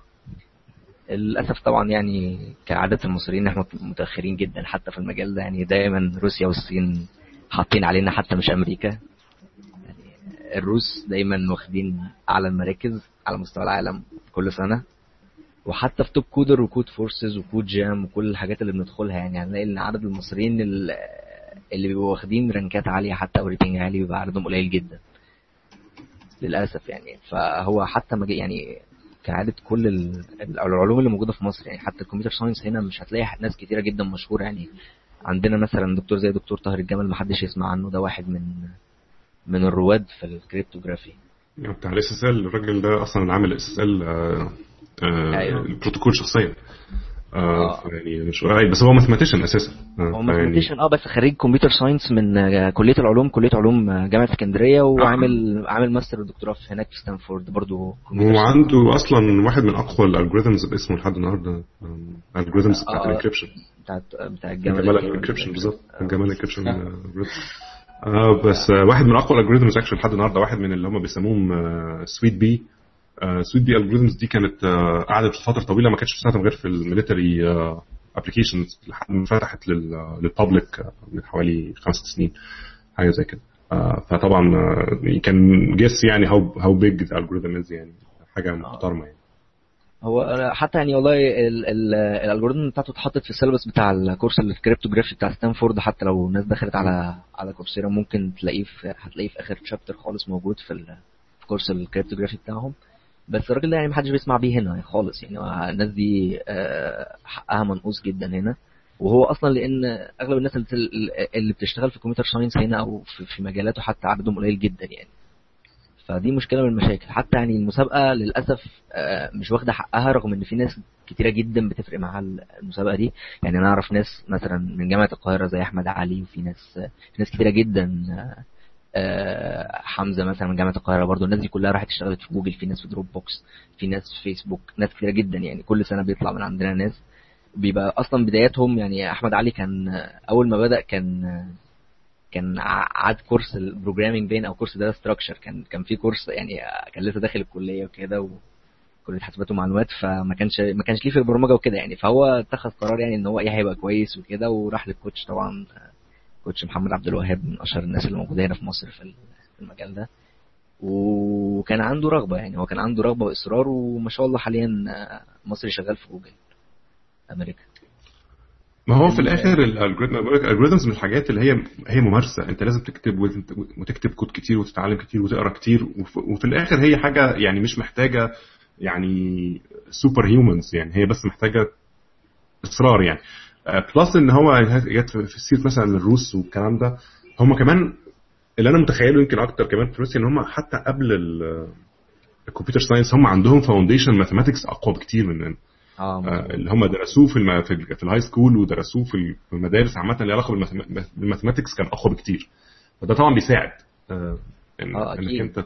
إنك أنت تفهم بالظبط ال math اللي behind ال algorithms مظبوط. وهو وهي دي المشكلة يعني فعلا حتى حتى يعني إحنا في topics كتيرة بتبقى متغطية في المسابقة مثلا زي ال- ال graph algorithms ال dynamic programming من أكتر الحاجات اللي متغطية في ال greedy algorithms بس دا دايما يعني أقل حاجة تلاقي المصريين على طول المسائل اللي بيقعوا فيها مسائل ال number theory يعني بالظبط. قوي يعني دي للأسف المسألة اللي بتيجي اللي م- يعني بتبقى أصعب مسألة ممكن على أي team مصري إن هو يحلها بتبقى مسألة ال number theory دايما. يعني. ممكن حتى كمان يعني المصريين مشهورين جدا رغم إن إحنا كويسين جدا في ال geometry. يعني في تيمات مصرية كويسة قوي في ال geometry لكن في ال number theory عامل عقدة. يعني عامل عقدة للفرق المصرية للأسف لحد دلوقتي. ف يعني بس آه، أنا بنصح الناس يعني إن هي ممكن تخش على على الموقع موقع زي SPOJ والكلام ده فيها tutorials حتى TopCoder نفسه فيه tutorials حتى لل beginners خالص من من من من حتى اللي هو إيه ال C plus plus basics يعني حتى اللي هو إيه آه، واحد لسه حتى ما بدأش algorithms ده واحد لسه بيتعلم يكتب كود. وبعدها وبيبقى في حتى يعني والله في حتى يعني كليات أعتقد حاسبات القاهرة بتبقى فاتحة الكورسز بتاعتها للناس حتى من بره الكلية ممكن تحضر. وبيبقى في جامعات كتيرة بنعمل نفس الموضوع. يعني إحنا عندنا هنا في ال chapter في اسكندرية كنا عاملين الموضوع ده وكان مفتوح. يعني في جامعة في هندسة اسكندرية كان الكورس مفتوح للناس من بره الكلية حتى اللي عاوز يجي ممكن يتعلم programming من أول من الأول خالص. ف واونلاين يعني الناس ممكن تبدأ اونلاين وكده. والموضوع بيبقى ظريف جدا يعني حتى موضوع ال problem solving والمسائل وكده أنت بتخش مثلا على site زي TopCoder ده بتبدأ تسجل في الأول خالص. وبعدين بتخش المسابقة بتبقى المسابقة حوالي ساعة ونص بيبقى فيها ثلاث مسائل. بيبقى متقسمين division 2 division 1 على حسب ال rating بتاعهم. ومن الحاجات المعروفة جدا يعني إن أصلا كل كل single round match يعني اللي بيتعمل من TopCoder بيبقى فيه sponsor عليه. يعني غالبا بيبقى في جوجل في أغلب في أغلب الأحوال يعني. ودايما الناس اللي هي بتبقى مرانكة عالية دي دايما بتتاخد يعني. بتتاخد على طول من هناك. ما ما, ما بيستنوش عليهم. يعني ما في وبعدين الشركات بتعرك عليهم فعلا يعني. أنا أعرف حالات كتيرة من هذا الوضع اللي كان بيبقى جاي له offer من فيسبوك وجاي له offer من جوجل في نفس الوقت. مش عارف يقبل ده ولا يقبل ده يعني اللي هو الوضع بالنسبة له في الاختيار حتى صعب. هو ده كمان بيبقى بيديك لأن الفكرة الفرق ما بين إنك أنت developer فاهم algorithms كويس وكمان متعمق فيها من من developer تاني هو كل يعني دخله في الموضوع هو مثلا لغات البرمجة نفسها وإزاي بيكتب كود ومش عارف آه، إيه. مظبوط. الفرق ده بيحل بطريقه المشاكل اللي بتجيله مختلف تماما عن الحل التاني. يعني هو اللي بيحل بال- اللي فاهم algorithms بتلاقيه بيحل بأي من مشكلة ممكن بيفهم إزاي يجيب آخرها إزاي بيجيب يجيب بيجيب كل ال performance benefits ممكن يجيبها ي design ال- الم- المسألة آه، بيجيب كل ال side آه، زي ما تقول كده كل ال corner cases اللي ممكن تكون موجودة فيها لأنه فاهم يعني إيه يجيب complete solution لكن دايما وبالتالي دايما eventually ده ما بيبقاش عنده bugs كتير لأن هو عارف إن هو كل ما هجيب corner case الصح كل ما هجيب الحاجات دي مش هيبقى عندك bugs كتير مش هيبقى عندك حاجات- الحاجات دي آه. فبيفرق كتير جدا في ال productivity بتاعته. فعشان كده الشركات بتتخانق عليهم لأن هو هو مش عايز يبقى عنده 10000 developer وخلاص هو عايز يكون عنده 10000 واحد. يعني aces آه، يسموهم آه. اللي هم يعني أحسن developers موجودين يعني مظبوط. زي ما باشمهندس كمان كان بيقول يعني مسألة زي مسألة ال maximum sub array دي لو أنا جبت developer ما, ما, يعرفش حلها ال linear اللي هو ال O of N ممكن يروح جاي كاتب لي حل ال N squared اللي هو هحط اتنين for loops جوه بعض وهقعد أجرب كل ال sub arrays فطبعا حل زي ده لو أنا مثلا حطيت له array حجمها مثلا مليون ال- الجهاز ممكن يفضل شغال يوم بحاله. يعني الجهاز يفضل شغال يوم بحاله وما يطلعليش إجابة. بينما هو ال developer ما, ما يعرفش ال algorithm فجاء عمل لي كده. بينما واحد تاني عارف ال linear ال O of N بس مجرد هتحط البرنامج هتحط ال array هتلاقي ال- ال- الحالة طالعة لك. هي دي الفرق في ال complexity يعني ال N squared من من O of N linear من quadratic بيبقى الفرق كبير قوي. وبرده يعني المشكلة اللي كنت بقابلها كتير جدا في ال developers المصريين هنا أي كود بيبقى كاتبه developer مصري للأسف بيبقى يعني في optimizations كتيرة جدا ممكن تتعمل. يعني كاستخدام data structures مثلا. يعني آه، بلاحظ دايما إن أسهل حاجة ممكن يعملها أي حد اللي هو إيه أحط اتنين loops جوه بعض أحط ثلاثة جوه بعض طب أربعة جوه بعض خمسة جوه بعض طب آه، كأنه بيحط بحط loops وخلاص. ليه؟ لأن هو مثلا مش فاهم إن هنا ممكن اشيلها أحط data structure معين ممكن ا replace دي بحاجة معينة ممكن في algorithm هنا يحل حاجة. وفي برضو المشكلة الكبرى اللي هو الناس اللي ما تبقاش دارسة computational complexity أو حتى ما يعرفوش آه، شوية عن ال theoretical computer science في مسائل أصلا وحاجات مش محلولة. يعني إحنا ما قدرناش نحلها لحد دلوقتي. اللي هو ال- ال class اسمه NP complete problems ده class لوحده من ال algorithms ما حدش لحد دلوقتي لقى له أي حل غير حل exponential اللي هو إيه؟ آه، بي try كل ال subsets مثلا. أنا بيبقى عندي مثلا مسألة آه، عاوز أعرف حلها. ومفيش algorithm معرف لحد دلوقتي بيحل المسألة دي. والشخص ده ممكن يكون فاكر إن هو ممكن يجيب حل. ده بيضيع وقت ناس كتيرة جدا جدا جدا جدا. يعني في ناس كتيرة في شغل كن- كنا ضربنا مثال على كده. أنا كنت قبل كده برضه قابلت واحد كان كان بيحاول يعمل scheduling problem يعني وكان فاكر ان هو هيحلها وهو قاعد يعني. آه. ف... ف... فنفس الفكرة إنك أنت محتاج تكون على الأقل على درايه بانواع المشاكل اللي هي اللي قدامك يعني. إنك أنت ممكن تبقى في مشكلة قدامك قدامك فاكر إن هي ليها حل وأنا قاعد ممكن أخلصها كده. بعد كده تبتدي تخش فيها نفسك قعدت 10 ساعات بتكتب ومش فاهم اللي بيحصل ومش حاجة بتطلعش مش حاجة بتطلع أصلا. وبعد كده تكتشف إن المسألة دي في mathematicians بقالهم 20 سنة بيحاولوا يحلوها مش عارفين. ف... فمحتاج إنك أنت ساعتها بقى تبتدي تشوف إزاي تجيب تحولها ل special version أو تحولها ل special case بحيث إنها ممكن تتحل أو يطلع لها حل أحسن شوية. لكن آه، فده ده دي حاجات بتجي لك كده freebies بمجرد إنك أنت بتبتدي تقرأ شوية algorithm هتلاقي الحاجات دي جات لك ومثل الموضوع ده إنك أنت ممكن توصل للمراحل دي مثلا في خلال 3 4 5 شهور تكون already وصلت لكل ال case اللي هي ال- عرفت ال class بتاعت المسائل والكلام ده الموضوع مش معقد يعني. آه، آه. بس أنت محتاج تبتدي أصلا. أيوه ما هي دي الفكرة. يعني أنا أنا فعلا الناس محتاجة إنها تبتدي مجرد إنك أخدت القرار بس وأخدت course أو كده هتلاقي إن الموضوع فعلا كويس. يعني الموضوع حتى في حد ذاته هتلاقي يعني أنا مثلا آه، النهارده من سنتين فاتوا بشوف الأكواد اللي أنا كنت كاتبها من سنتين والأكواد اللي أنا بكتبها النهارده لأ مختلفة تماما.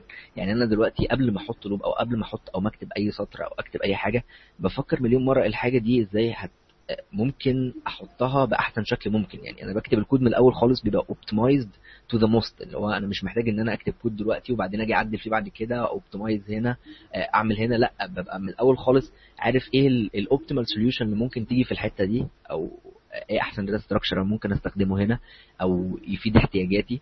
يعني مثلا آه، فكرة ال maximum sub array في في نسخ version تانية منها اللي هي dynamic اللي هو أنا بديك queries اللي هو update كل شوية في ال في ال array دي اللي عندك وبديك query في نفس الوقت اطبع لي ال maximum sub array ال نفس الحل ال divide and conquer اللي هو ال- اللي بيعتبر آه، في, في الأول O of N ممكن يتعمل N log N ويبقى log N لكل query بحاجة اسمها segment tree مثلا. فال data structure ده لما يعني أنا أول مرة سمعت مثلا عن ال data structure ده اكتشفت كمية أكواد عندي أنا كنت كاتبها قبل كده كان ممكن أستخدم فيها ال data structure ده يعني كمية أكواد كتيرة جدا. فطبعا حاجة مفيدة لأن أنا مثلا يعني مثلا أنا كشخص شغال كنت شغال web developer فلما أجي أكتب كود زي ده مثلا بيشتغل على server ولا على أي حاجة وبيجي له requests كتيرة جدا ويبقى ب complexity عالية بالشكل ده طبعا ده بيكلفني. بيكلفني أنا كمحتاج مثلا لو سواء كنت شغال على server آه، حتى لو dedicated أو حتى لو cloud ال requests كتيرة بتتعبه. فكون إن أنا هنزل مثلا ال complexity بالشكل الفظيع ده من من quadratic ل n log n بيبقى اختلاف كبير جدا يعني. لو حتى لو انت شغال على cloud مثلا ما انت انت بتدفع ال CPU power يعني آه،. الفلوس انت بتدفعها لل... سواء مثلا امازون ولا Azure ولا مش عارف إيه انت بتدفع على قد إيه استخدمت من ال CPU فانت لو انت بتكتب كل كل ال algorithms بتكتبها كلها n cube و n و exponential وبلاوي زرقاء زي دي هتدفع فلوس كتير جدا على وكمان غير إنك انت بطيء بتدفع فلوس كمان. فاللي هو يعني من ناحيتين خراب بيوت يعني. ف... ف... فدي برضو من الحاجات اللي انت بتبقى you get it right لما بتعرف الحاجة بتعرف إزاي تحلها يعني. أو على الأقل بتعرف هي ميزة كمان في ال algorithm إنك أنت على الأقل بتعرف باب تروح له لو أنت اتزنقت. يعني لو لقيت إن حتى أنت ما تعرفهاش algorithm outright هتبتدي تدور صح. أنت المشكلة إنك بتبتدي تدور في المشكلة ما بتبقاش عارف هي اسمها إيه ولا هي بتعمل إيه ولا أي حاجة. عمرك ما هتوصل لحل هتلاقي نفسك دايما بتحلها مبدئيا ب brute force المشكلة وخلاص. لكن لما تبقى عارف إن الم... أنت عارف إن دي تقع في ال class بتاع المشاكل دي يبقى ابتدي ادور لها على حل يحل المشكلة دي مثلا دي دي شايف إن دي مثلا مشكلة scheduling دي مشكلة مش عارف آه، نفسك problem whatever فهبتدي أدور في ال class دي من المس- من المسائل ابتدي specialize في الموضوع ده. آه، فدي حاجة كويسة من من ال algorithm انها بتديك ال- ال lingo بتاع أو أو ال vocabulary بتاع ال coding يعني. آه تمام. هو ده اللي بيفرق فعلا. أي developer عن developer وده اللي بيخلي واحد شغال في شركة مرموقة وعن واحد شغال في شركة مغموره يعني هو فعلا الناس اللي إحنا شفناهم آه، أنا كنت زمان بتسأل نفس السؤال ده إيه اللي بيفرق؟ الناس اللي مثلا بتروح فيسبوك أو بتروح جوجل أو الكلام ده. لكن بعد ما دخلت واحتكيت معاهم وشفت مستواهم مقارنة بمستوياتهم عرفت الناس دي فعلا إيه اللي- إيه- إيه- ليه بتتاخد وليه بيتهافتوا عليهم بهذا الشكل. ففرق بين واحد مثلا في ناس أعرفها عارفة كمية algorithmات يعني أعتقد فعلا لو لو حاولت أعدهم آه، عدوا الألف. يعني أنا أعتقد في الفترة اللي فاتت دي عرفت أكتر من من 100 algorithm مثلا في في حاجات كتيرة مثلا زي ال string matching زي مثلا ال dynamic programming حاجات آه، زي ال knapsack زي مثلا maximum subsequence longest increasing subsequence كل المشاكل دي والحاجات دي ليها تطبيقات فعلا في في الحياة بتاعتنا حتى. يعني الواحد لو فعلا حاول حاول إنه يشتغل في ال industry أو يشتغل في أي حاجة والكلام ده فعلا للأسف يعني مش مش موجود في مصر قوي بس هو موجود بالنسبة للشركات الكويسة إن فعلا بيبقى في واحد لازم problem solver موجود في ال- في الشركة آه، عندنا مشكلة حاجة عاوزين نحلها. الناس دي بتبقى مطلوبة يعني. وهو مش موجود علشان الع... هي هي عامل زي إيه هي زي دايرة دايرة مفرغة. هي هو مش موجود في مصر عشان محدش حاول يستخدمها. يعني هي الفكرة المشاكل موجودة المشاكل عمرها مش هتبقى موجودة. الفكرة في إنك أنت عشان ال calibers ما عندهمش ال background دي فعمرهم ما هيحاولوا يستخدموا ال algorithms عشان يحلوا بيها المشاكل دي فهم بيحاولوا يحلوها بالطريقة اللي قدامهم وخلاص بأي طريقة. فما بيبقاش عندك مشاكل فيها algorithms أو مشاكل فيها حلول كويسة فتخش في الدايره المفرغه دي. لكن هو في الآخر المشاكل طول عمرها موجودة عمرها ما هتختفي يعني. أنت لو شغال في شركة بتاعت نقل أي حاجة نقل بحري ولا بتاع ما هتلاقي نفسك عندك مشاكل ليها علاقة بال transportation algorithms ومش عارف إيه والكلام ده. طب هتعمل الكلام ده؟ ما هو في مشا... المشاكل موجودة بس أنت لو حاولت تحل بأي طريقة هت... عمرك ما هتوصل للحل الصح يعني. آه مظبوط. وبعدين يعني حتى أنا كنت بشوف شوية reports موجودة من من شركات حتى كان شركة طيران بتذكر أمريكية كانت بتكتب عن algorithm معين اسمه السمبلكس الجوريزم ده في class كده اسمه linear programming كانوا بيقولوا إن ال إن ال algorithm ده قبل ما يطبقوه وبعد ما طبقوه عن كمية الفلوس اللي وفروها كانت أرقام مهولة. يعني تخيل إن مجرد حاجة استخدموها كود برنامج ممكن يكون ما يزيدش عن 50 سطر مثلا ال implementation بتاعه وفرق معايا في 100 مليون دولار في السنة مثلا. يعني ال simplex algorithms دي من الحاجات اللي بيدرسوها بتوع ال operation research اللي هم أصلا ما شغلوا ال algorithms قوي.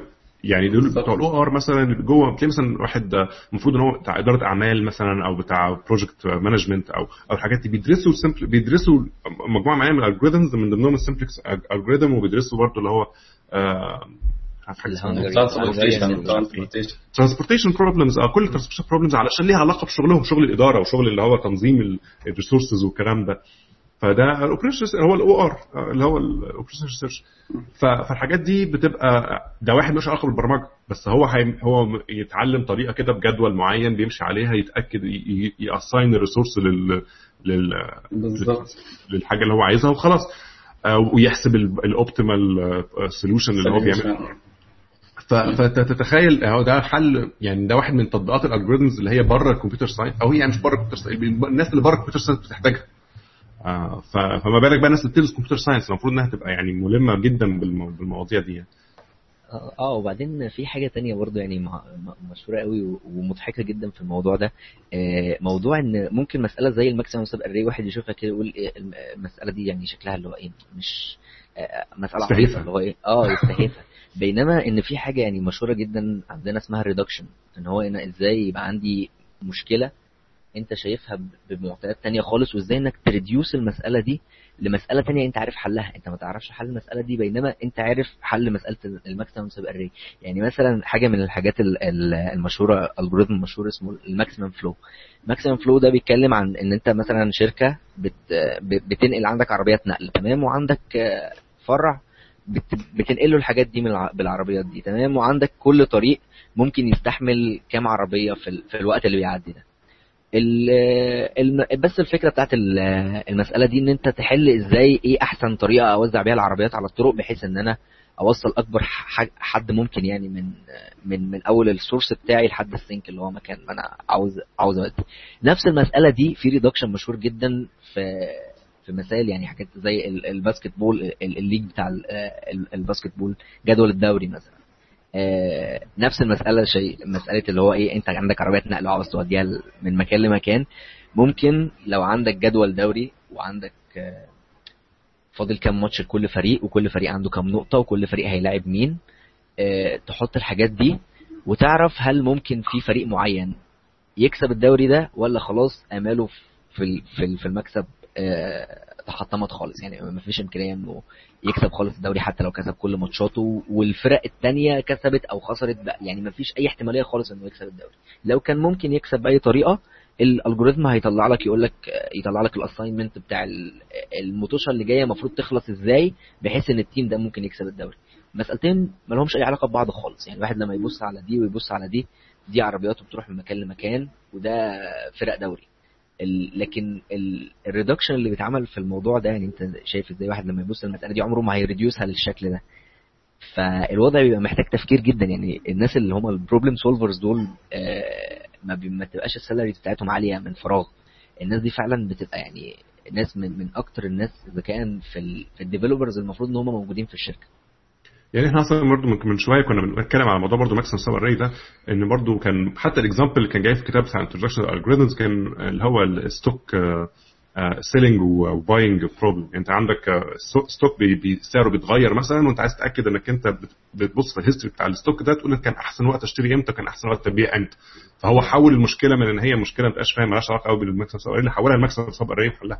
فيعني دي برضو ممكن تلاقي مثلا واحد بتاع finance مثلا أو واحد بتاع حاجات من دي دي المشكلة اللي قدامه طول النهار يعني. هو دي مشكلته مشكلة حياته يعني إن هو بيحاول يشوف السهم ده كان المفروض يبيع إمتى كان المفروض يشتري إمتى فدي برضو ميزة ال algorithms إن هي بتحس إن هي أو ميزة ال- ال- النوع ده من التفكير إنك أنت لو عندك المشكلة دي في دماغك سهل قوي إنك أنت تعمل ال reduction ده زي تنزل بالموضوع ده. يعني حتى مثلا مشكلة ال maximum flow دي إحنا مثلا كان عندنا قبل كده data centers مثلا كتير كان آه، كل data center بيبقى ليه capacity معينة. يعني انت ما تقدرش تستحمل في data center معين آه، يعني traffic أكتر من من حد معين. بعد كده بتبتدي المكن ال performance بتاعه يقل. فدايما بتبقى عامل حسابك إنك أنت لو عندك مثلا سي ثلاثة أربعة data centers بتحاول توزع ال traffic على على عليهم بحيث إن هم كلهم يبقوا performing كويس. فدي بتبقى مسألة flow إنك أنت عندك نفس الفكرة أنت عندك traffic مثلا جاي بحجم معين وكل path ليه capacity وتحاول توزع ال capacity عليهم كلهم في الآخر بقت مسألة بيحلها واحد في سنة ثانية في كلية حاسبات معلومات ما بقتش مشكلة ضخمة يعني بس أنت تسمع الأول مصطلحات ضخمة جدا في الآخر هي مسألة flow يعني. الموضوع مش مش حاجة رهيبة يعني وليها algorithms موجودة والناس بتستخدمها من زمان. ف... ف... المش... المشكلة لو أنت فعلا ما تعرفش يعني هو الفكرة أنت لو تعرف آه.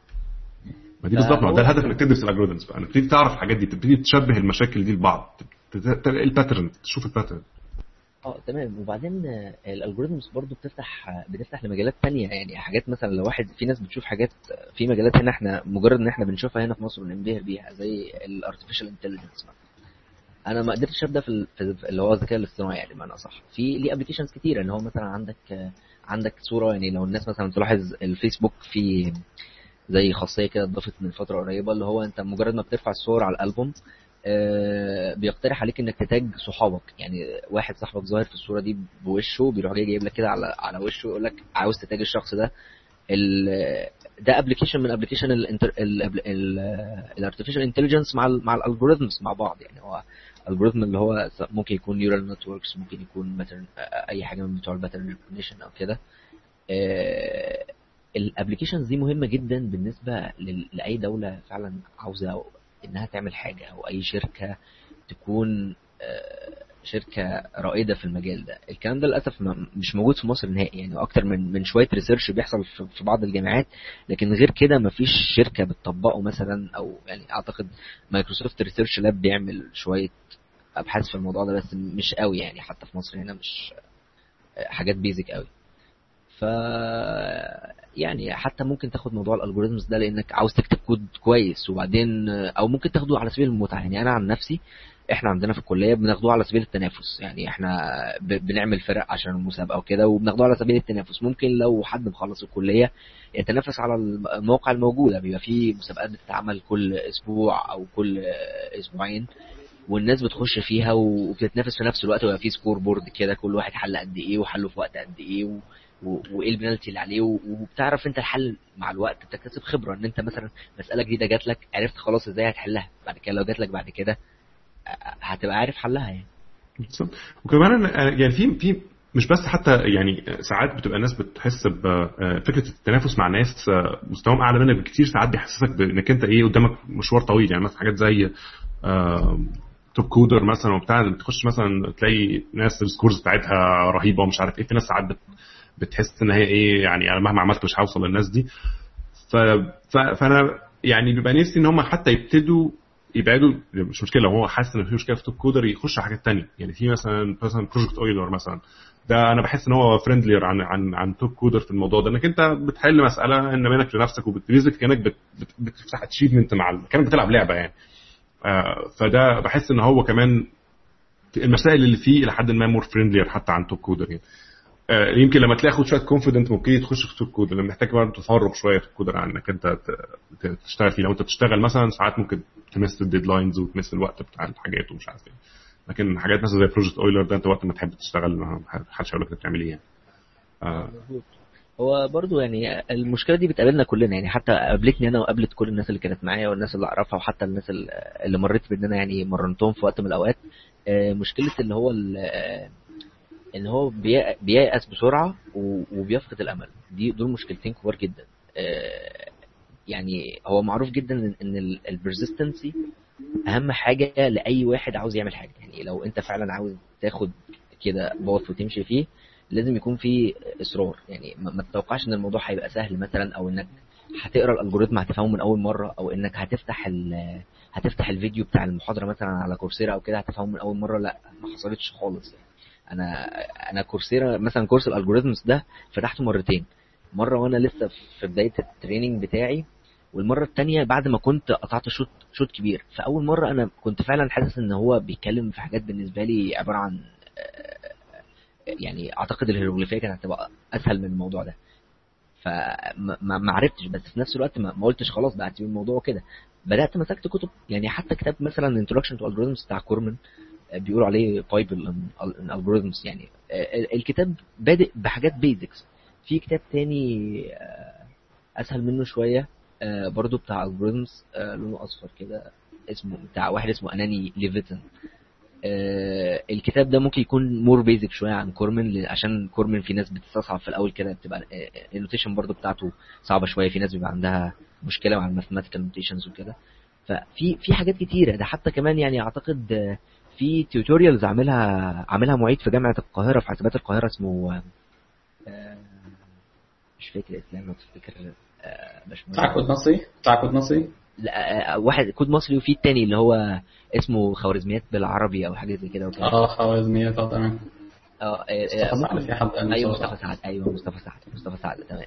هو باشمهندس مصطفى سعد. يعني باشمهندس مصطفى سعد بدأ بالفيديوهات من تحت خالص من اول اللي هو إيه إحنا ليه ليه عاوزين algorithms أصلا؟ آه، باشمهندس مصطفى سعد من الناس اللي شاركت World Finals طلع regional كذا مرة مع الفريق بتاعه وكان في ال team بتاع أحمد علي اللي هو أحمد علي حاليا هو أعلى مصري موجود آه، على TopCoder والمصري الوحيد لفترة قريبة اللي كان آه، آه، اللون بتاعه أحمر. يعني هو إحنا ال ranks على ال ranks على TopCoder بت بتتعلم بالألوان. يعني انت في الأول خالص تبقى أبيض بعدها رصاصي بعدها أخضر ثم أزرق. ثم برتقاني ثم أحمر. أحمر دي يعني ما فيش مصري كان جابها غير واحد قبل كده برضو كان في جوجل. يعني كل الناس اللي جابت أحمر طلعت جوجل. هم ثلاثة بالظبط يعني. فكان في ال team بتاع أحمد علي وواحد من الناس اللي شاركت في ال World Finals وعملوا كانوا دايما يعني حاسبات القاهرة كانت بتعمل إنجاز. فالراجل ما شاء الله يعني ربنا يكرمه عامل tutorials دلوقتي أعتقد وصل للحلقة أكتر عدد 80 وبيتكلم في كل حاجة وبيتكلم بأسلوب basic جدا واللي هو إيه يعني ولو حد مثلا وقفت معاه حاجة أو كده وبالعربي يعني هو لأن في ناس فعلا بتبقى مشكلتها ساعات في اللغة رغم إن يعني أنا أعتقد مع الوقت بتيجي يعني مع الوقت اللي هو واحد ممكن أول مرة فتح ال course ما فهمش بيبقى فيه شوية ساعات بيبقى فيه subtitles يعني تحت يعني للناس اللي ما, بتاع... ما بيبقاش عندها ال listening كويس ممكن إنها تشوف ال... الكلام المكتوب. بس يعني دي موجودة بالعربي يعني لو حد عنده مشاكل في الموضوع خالص من الأول ممكن يشوف الصفحة على الفيسبوك يعني أعتقد اسمها خوارزميات آه، خوارزميات آه Arabic Algorithm Series. تمام؟ فهو خوارزميات يعني. دي كانت initiative كويسة. كان قبلها كود مصري آه، كود مصري dot com برضو شباب من هندسة اسكندرية آه، بدأوا في الموضوع وحاولوا إن هو قالوا إحنا يعني عاوزين ننشر موضوع ال algorithms ده هنا. هم تبع شركة اسمها شركة بدر بدر IT يعني موجودين هنا في اسكندرية. وفي هنا فعلا ناس دخلت معاهم ال course كانوا عاملين ال course هنا في في, مكان ما يعني ورافعين الفيديوهات اونلاين ف وبرده في ناس اشتغلت معاهم في الشركة يعني في ناس بعد ما خلصوا معاهم الكورسز أخدوهم في الشركة عملوا لهم interview كده وأخدوهم معاهم يعني حتى وناس كانت ما كانش تخصصها computer science ولا كان تخصصهم يعني ما كانوش خريج قسم كمبيوتر ولا خريجين حاسبات ومعلومات وفعلا جات لهم offers كويسة واشتغلوا. يعني هو الموضوع لو الواحد مثلا مش عاجبه حتى يعني في ناس بتقول أنا مش عاجباني الشغلانة اللي أنا بشتغلها أنت ممكن إنك تفتح لنفسك مجال شغل تاني. ومجال شغل فعلا ال programming وال IT هنا في مصر ما معلوش restrictions قوي يعني ما بتبقاش محتاج إنك مثلا معاك شهادة أو الكلام ده عشان تشتغل لا ممكن أي حد يشتغل. في أي حتة في الدنيا أصلا. يعني أنا كان معايا ناس في مايكروسوفت كان في واحد مشهور جدا جوه مايكروسوفت آه كان آه بيعمل parallel algorithms وبتاع. راجل تقيل جدا هو عامل الكتاب اللي هو اسمه on Windows. آه اسمه الراجل ده كان معاه high school هو أصلا ما دخلش computer science عمره. اسمه جو دافي. الراجل ده كان high school يعني متخرج من high school يعني والراجل ده كان يعني مرجع في ال في ال في ال parallel algorithms يعني وكان هو اللي عامل هو هو أصلا اللي ماسك ال team كماسك ال team اللي عاملين ال task parallel library في ال .NET كل اللي علاقة بال concurrent algorithms في ال .NET. آه، فده برضه يديك انطباع إن انت ما دام عجبك الموضوع مش محتاج يعني الموضوع محتاج بس إنك أنت آه، يعني ت progress يعني الموضوع مش مش مشكلة يعني. plus انت كان يعني كان في برضه عشان موضوع ال interviews والكلام ده ساعات ما تبقاش متخيل ان ممكن تكون سؤال ال interview جاي لك دي حاجة بسيطة جدا. يعني فاكر أنا واحد من الأسئلة جات لي في ال interview الأولانية خالص في مايكروسوفت كان سؤال prime numbers checker برضه كل موضوع كان عايز اتاكد إن أنا عارف ال optimization بتاعت ال prime numbers هو أنا أنا وأنا بحل كنت خايف إن أنا يعني الراجل يستعبطني يعني. وطلع هو ده اللي هو عايزه بالظبط. اللي هو حاجات كده اللي هو يعني مبقاش فاهم ساعات ان هو هو مش انت مش ساعات مش محتاج تبقى super human في ال algorithms بس محتاج تكون عارفهم يعني بس ببساطة يعني اللي هو مش أيوة. أكتر من كده يعني الفكرة الواحد بيبقى داخل مثلا interview شركة كويسة فبيحس إن هو إيه ده؟ لأ أكيد مش ده السؤال. هو أكيد في في trick في حاجة أنا مش شايفها مثلا. بالظبط. طلع سؤال prime checker يعني اللي هو مش أكتر من كده يعني. أيوة. ف- آه آه، يعني ليا أصحاب يعني برضو حصلت معاهم نفس المشكلة وهو المشكلة اللي هو إيه يعني هو الواحد يبقى داخل بانطباع معين اللي هو إيه أنا آه، أنا داخل هيبقى interview جامد مثلا أول مرة بيخش interviews أو كده فبيبقى خايف مقلق فكل حاجة يعني بيحاول إن هو يدور على optimal حتى لو هو عارف ال optimal بيقول لأ ده أكيد في حاجة تانية أنا ممكن أكون ما اعرفهاش يعني موضوع prime numbers ممكن تعدي لحد ال square root وخلاص. في ناس لأ أنا لأ أنا في في algorithms تانية معقدة حاجات randomized وكده ممكن تبقى أسرع شوية حاجات بيستخدموها في ال cryptography كده بالظبط يعني أنا كل اللي عملته ساعتها إن أنا مشيت لحد يعني عديت ال even numbers ومشيت لحد ال square root والراجل كان مبسوط يعني. هو الموضوع ما كانش يعني معقد قوي للدرجة دي. هو يعني يعني أنا ساعتها حتى ما بقتش فاهم هو يعني هو ده اللي هو عايزه ولا لأ. وبعد كده لقيته انبسط يعني قلت خلاص خير يعني. آه، فهي هو أهم حاجة كمان في ال interviews إنك أنت آه، لو أنت مش عارف ال optimal solution من أول لحظة ما تحاولش تجيبه من أول مرة. حاول الأول تحل المشكلة. يعني لازم دي بقى ده ده, ده زي إيه advice لل interviews عامة. انت غالبا آه، لو انت آه، دي يمكن واحدة ممكن تكون side effect شوية لل- لل- للمسابقات بتاعت ال algorithms والكلام ده انك انت ساعات تبقى عايز تطلع ال optimal solution على طول. في ال algo- في, في ال interviews الموضوع مختلف شوية الراجل عايزك تتناقش معاه. فلو انت لو say مثلا حد راح مديك آه، آه، مسألة okay ورحت انت واخدها وعارف في ناس تاخد المسألة كده وتتنح شوية تقعد آه، هو بيح- هو بيحل في دماغه بس المشكلة ان هو أنا مش فاهم انت بتحل ولا لأ. فبيقعد مثلا بتاع 10 دقايق ما بيتكلمش. ممكن يطلع بعد 10 دقايق يطلع الحل الصح بس ممكن بعد 10 دقايق ما يطلعش حاجة. ففي الآخر يبقى اسمك ما حلتش مساله أنت ساعات هدفك على الأقل تعلم إنك حليت المسألة. حتى لما كان sub optimal solution هو الراجل عايز حلت مساله وكده نبتدي نتناقش في اللي بعد كده. نبتدي بقى إيه ن optimize سوا في المسألة. مش مشكلة يعني.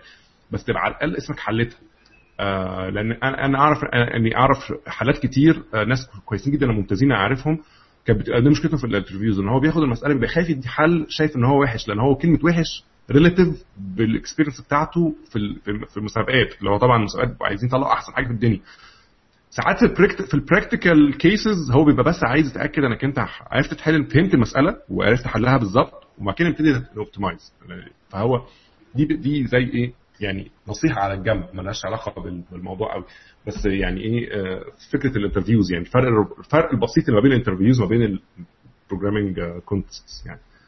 آه، طبعا لو تقدر تجيب الحل الحل من أول لحظة خير يعني. بس لو ما تقدرش يعني حاول تحلها الأول. حتى لو brute force في الأول. حتى قول إن brute force وأنا بس بحاول بحاول إن أنا إيه explore المسألة. فحلها brute force وبعد كده تبتدي optimize ودايما تبقى موضح إنك أنت شايف إن ده حل مش مش ممتاز يعني بس إيه بنحاول نحل يعني. هو بالنسبة لل interviewer إن هو يحس إنك أنت في dialogue بينك وبينه أهم بكتير أصلا من ساعات من الحل نفسه يعني. بالظبط هو هو أصلا ده ال approach اللي إحنا بنستخدمه حتى يعني حتى في المسابقات. ده, ده نفس اللي إحنا بنعمله. إحنا في الأول بس مجرد إن أنا عاوز أعرف إن أنا أحل المسألة دي. حتى لو كان. ب approach plain brute force بس الفكرة إنك جبت حاجة correct يعني أهم حاجة إنك يعني تجيب correct solution للمسألة دي. بنبعد عن فكرة ال optimal دي خالص. خلينا بس إن إحنا نشوف آه، كود آه، ممكن يحل المسألة دي حتى لو brute force حتى لو ال complex بتاعته عالية مش مشكلة بس المهم إن أنا أحل المسألة. وبعدها بنبدأ ن optimize طب هو أنا ممكن مثلا الحتة دي آه، أشيلها وأحط مكانها data structure معين. ممكن هنا مثلا أغير الطريقة اللي ب query بيها مثلا أو أعمل حاجة مختلفة. فكل الناس بتبدأ كده يعني هو أصلا ما حدش بيديله مسألة مثلا فبيشوفها فبيعرف حلها دي ما بتحصلش خالص يعني إلا لو كانت مسألة عدت عليه بالظبط قبل كده ودي بتبقى يعني يا إما المسألة السهلة في ال contest يا إما اللي هو آه، بتبقى حاجة basic مثلا آه، مرة مسألة جات لك وبتحلها تاني لكن مفيش حد تجيله حاجة بيشوفها هو ساعات بتبقى الفكرة إيه؟ ساعات أسئلة interviews أحيانا بتبقى on purpose tricky شوية في حتة إنها بتحسسك بتحل مسألة ثانية يعني بي- بيفكرك بت- بتحس إنها إيه دي- ممكن تكون مثلا graph algorithm بس ممكن تكتشف انها أصلا مش graph algorithm بالظبط يعني آه graph يحلها بس graph over engineering للمسألة بس ممكن تحل بطريقه ثانية أوكي؟ فساعات بتبقى إنك أنت بس تحاول تحلها الأول هتلاقي نفسك فهمت ال- ال- الفرق. يعني عرفت إنك أنت ممكن تجيبها بطريقة أسهل شوية. ففي ساعات ده ده أحيانا بيحصل مش طبعا ده ال case بس أحيانا بيحصل يعني. بس هو anyway يعني طبعا ال approach الصح إنك أنت تحل وبعد كده optimize واحدة واحدة لحد ما توصل للحل أنت satisfied بيه يعني. لأن ساعات برضه في over optimizations بتخلي إن كمان في ال industry ساعات الفرق بيفرق بإيه؟ لو ال optimization اللي هعمله ده هيديني مثلا say 1% ولا 2% gain بس في نفس الوقت هيخلي الكود معقد جدا أنا أحسن لي اخلي الكود مفهوم. لأن لأن في ناس كتير بتشتغل في الكود ده. آه، لأن في ناس ساعات بالذات بقى في ناس اللي هي بتبقى آم، بتكتب low level شوية ممكن يعمل بقى شوية optimization ليه علاقة مثلا بطريقة ال handling بتاعت ال memory ومش عارف إيه والكلام. ساعات ده لو أنت مش بتكتب game يعني ساعات ده مش ملوش علاقة خالص بال- بال- بالواقع يعني. بس anyways يعني. مظبوط. طيب إحنا داخلين في ساعتين فلو حد عايز يضيف حاجة في الموضوع ممكن جو اهيد يعني.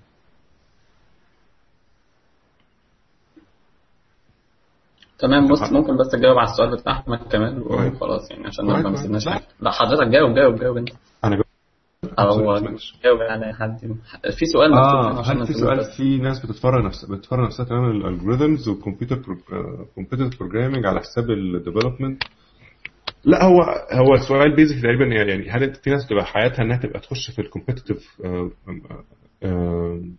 contest دي وعلى حساب إنها تشتغل development لا ما أعتقدش إن هي either or يعني. هي في ناس بتبقى ما بقول لك في ناس بالنسبة لها من, كتر ما هي عملت competitive problems بالنسبة له إن هو الصبح مثلا أو في يوم كده في الأجازة يخش يحل مسألة بيعمل زي إنك أنت صح صح تحل الكلمات متقاطعة. هو من كتر ما هو حل بقى بالنسبة له إن هو يحل بس بس keep his mind يعني إيه شغال يعني. آه فهو بينفع قوي بالذات ال competitive ده في الفترة بتاعت مثلا إنك أنت لسه في الجامعة أو أنت لسه متخرج فأنت عندك وقت. معاك آه، إنك تخش آه، وتدرس حاجة جنب أو إنك أنت تتفرغ لحاجة أو تخش مسابقة أو تعمل ده بيبقى حلو قوي في الفترة بتاعت الجامعة. آه، لو أنت عندك وقت كفاية في خلي بالك إن دايما بيبقى عندك وقت زيادة في حياتك يعني. آه، ممكن تعمل فيه حاجة مختلفة ممكن تخش تخش مسابقة تخش course ولا بتاع ده كل ده ممكن يبقى جنب شغلك ملوش علاقة يعني. فده ما فيهوش مشكلة. أنا شغال كده. هو صعب يبقى عندك مشكله يعني صعب تكون داخل programming contest وانت ما عندكش فكرة عن development هو في الآخر آه، يعني يكون يكون قصدك ما عندكش فكرة عن ال technologies مثلا مثلا مش عارف مثلا C مش عارف انت ما بتعرفش مثلا ما بتعرفش مثلا تعمل web development بس انت كويس في ده ممكن يحصل أحيانا يعني. آه بس آه بس في الآخر الحاجات دي بتبقى أبسط بكتير من ال algorithms يعني أنت لو أنت كويس في ال algorithms الحاجات الثانية دي هتبقى بالنسبة لك إنك أنت تعرف شوية APIs هتعرف تخلصها. يعني شوية tools HTML على JavaScript والكلام ده ده ممكن كله تعمله. لكن لكن ده مش معنى كده هو برضو هو البني آدم ممكن يعمل حاجات كتير في حياته. يعني ممكن تبقى بت- بتتعلم كذا حاجة في نفس الوقت. إنك تعمل websites وتعمل آه، في نفس الوقت تعمل آه، آه، عندك algorithms knowledge كويسة ده ده حاجة سهلة قوي تعملها في حياتك الاثنين مع بعض يعني ما فيهوش مشكلة. بالذات إن ال HTML وال JavaScript والكلام ده ده حاجة ممكن تخل... ممكن تفهم تفاصيلها والكلام ده كله مثلا في ثلاث أربع شهور تعرف إزاي تعمل الكلام ده يعني. الخبرة بقى بتاعت الشغل بقى تخش في مشروع هتعلمك اللي فاضل يعني. الموضوع مش مش معقد قوي إحنا كمان خلي... يعني دي برضو حاجة تانية أنا بحس ساعات إن إحنا الناس بت overestimate الشغل بتاع ال development الشغل بتاع ال development مش معقد. الشغل بتاع ال development بالنسبة لشغلانات تانية إحنا مش دكاترة يعني فاهم؟ يعني إحنا مش جراحين فاهم؟ يعني انت لو جراح أنا ماشي معاك الراجل ده لو غلط غلطة ممكن يموت واحد. لكن إحنا مهما عملنا في الآخر هنعمل undo يعني. فاللي إحنا بنعمله برضو مش يعني غير لو انت بتعمل طبعا medical equipments بس يعني غير غير لكن لكن انت أو بتعمل طيارة ولا بتاع بس في أغلب ال 99% من الناس اللي بتشتغل development يعني بيبقى شغلهم سهل. يعني الموضوع مش مش معقد بالدرجه وكله عبارة عن brain stimulation وكده. يعني شغل حلو يعني حي حي مفيد ممكن تعمل أكتر حاجة معاه في نفس الوقت يعني. آه ف فما تحاولش يعني ما عارف ما, ما تكبرش الموضوع قوي في دماغك بحيث إنك أنت تحس إن أنا يا إما ده يا إما ده. أنت ممكن تعمل حاجات كتير يعني. الموضوع مش ما تخافش يعني. طيب لو ما فيش أسئلة تاني هبص الوقت كده. آه هبص بص على الفيسبوك كده لو في حد ساب حاجة هناك. آه لو آه، هبص برضه على اليوتيوب. just making sure بس إيه محدش ساب سؤال على اليوتيوب آه، ما بصناش عليه.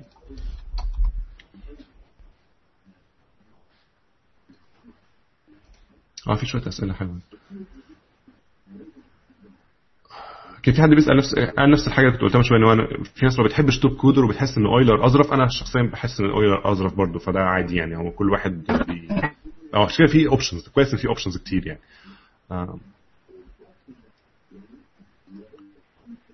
في ناس آه في ناس عايزة link ات عن. عن الجامعات اللي إحنا اتكلمنا عنها اللي فيها كورسات مفتوحة. دي ممكن أحطها. إحنا أصلا كان عندنا hangout عملناه من حوالي 3 4 شهور. كان عن الكورسات أصلا عن اللي هي ال massive online open courseware والكلام ده. آه، هن- هنحط ممكن نحط link عليها ونحط link ات للجامعات برضو اللي إحنا اتكلمنا فيها. آه، فاعتقد دي دي الأسئلة اللي موجودة يعني. ف I think إن إحنا جاوبنا على أغلب الأسئلة حتى وإحنا بنتكلم فمش مشكلة. بس حبيت إن إحنا برضو ما نعديش الساعتين عشان بس الناس تقدر تتفرج على الحاجة دي مرة واحدة. آه، وغالبا الحلقة دي هنحولها audio برضو علشان اللي عايز يسمعها لأن طبعا ساعات بيبقى كويسة يعني. آه، إنك أنت تتفرج على فيديو فترة طويلة لو أنت عندك كمان مشاكل في ال bandwidth ولا بتاع بيبقى في مشكلة إنك تتفرج عليه ده كله.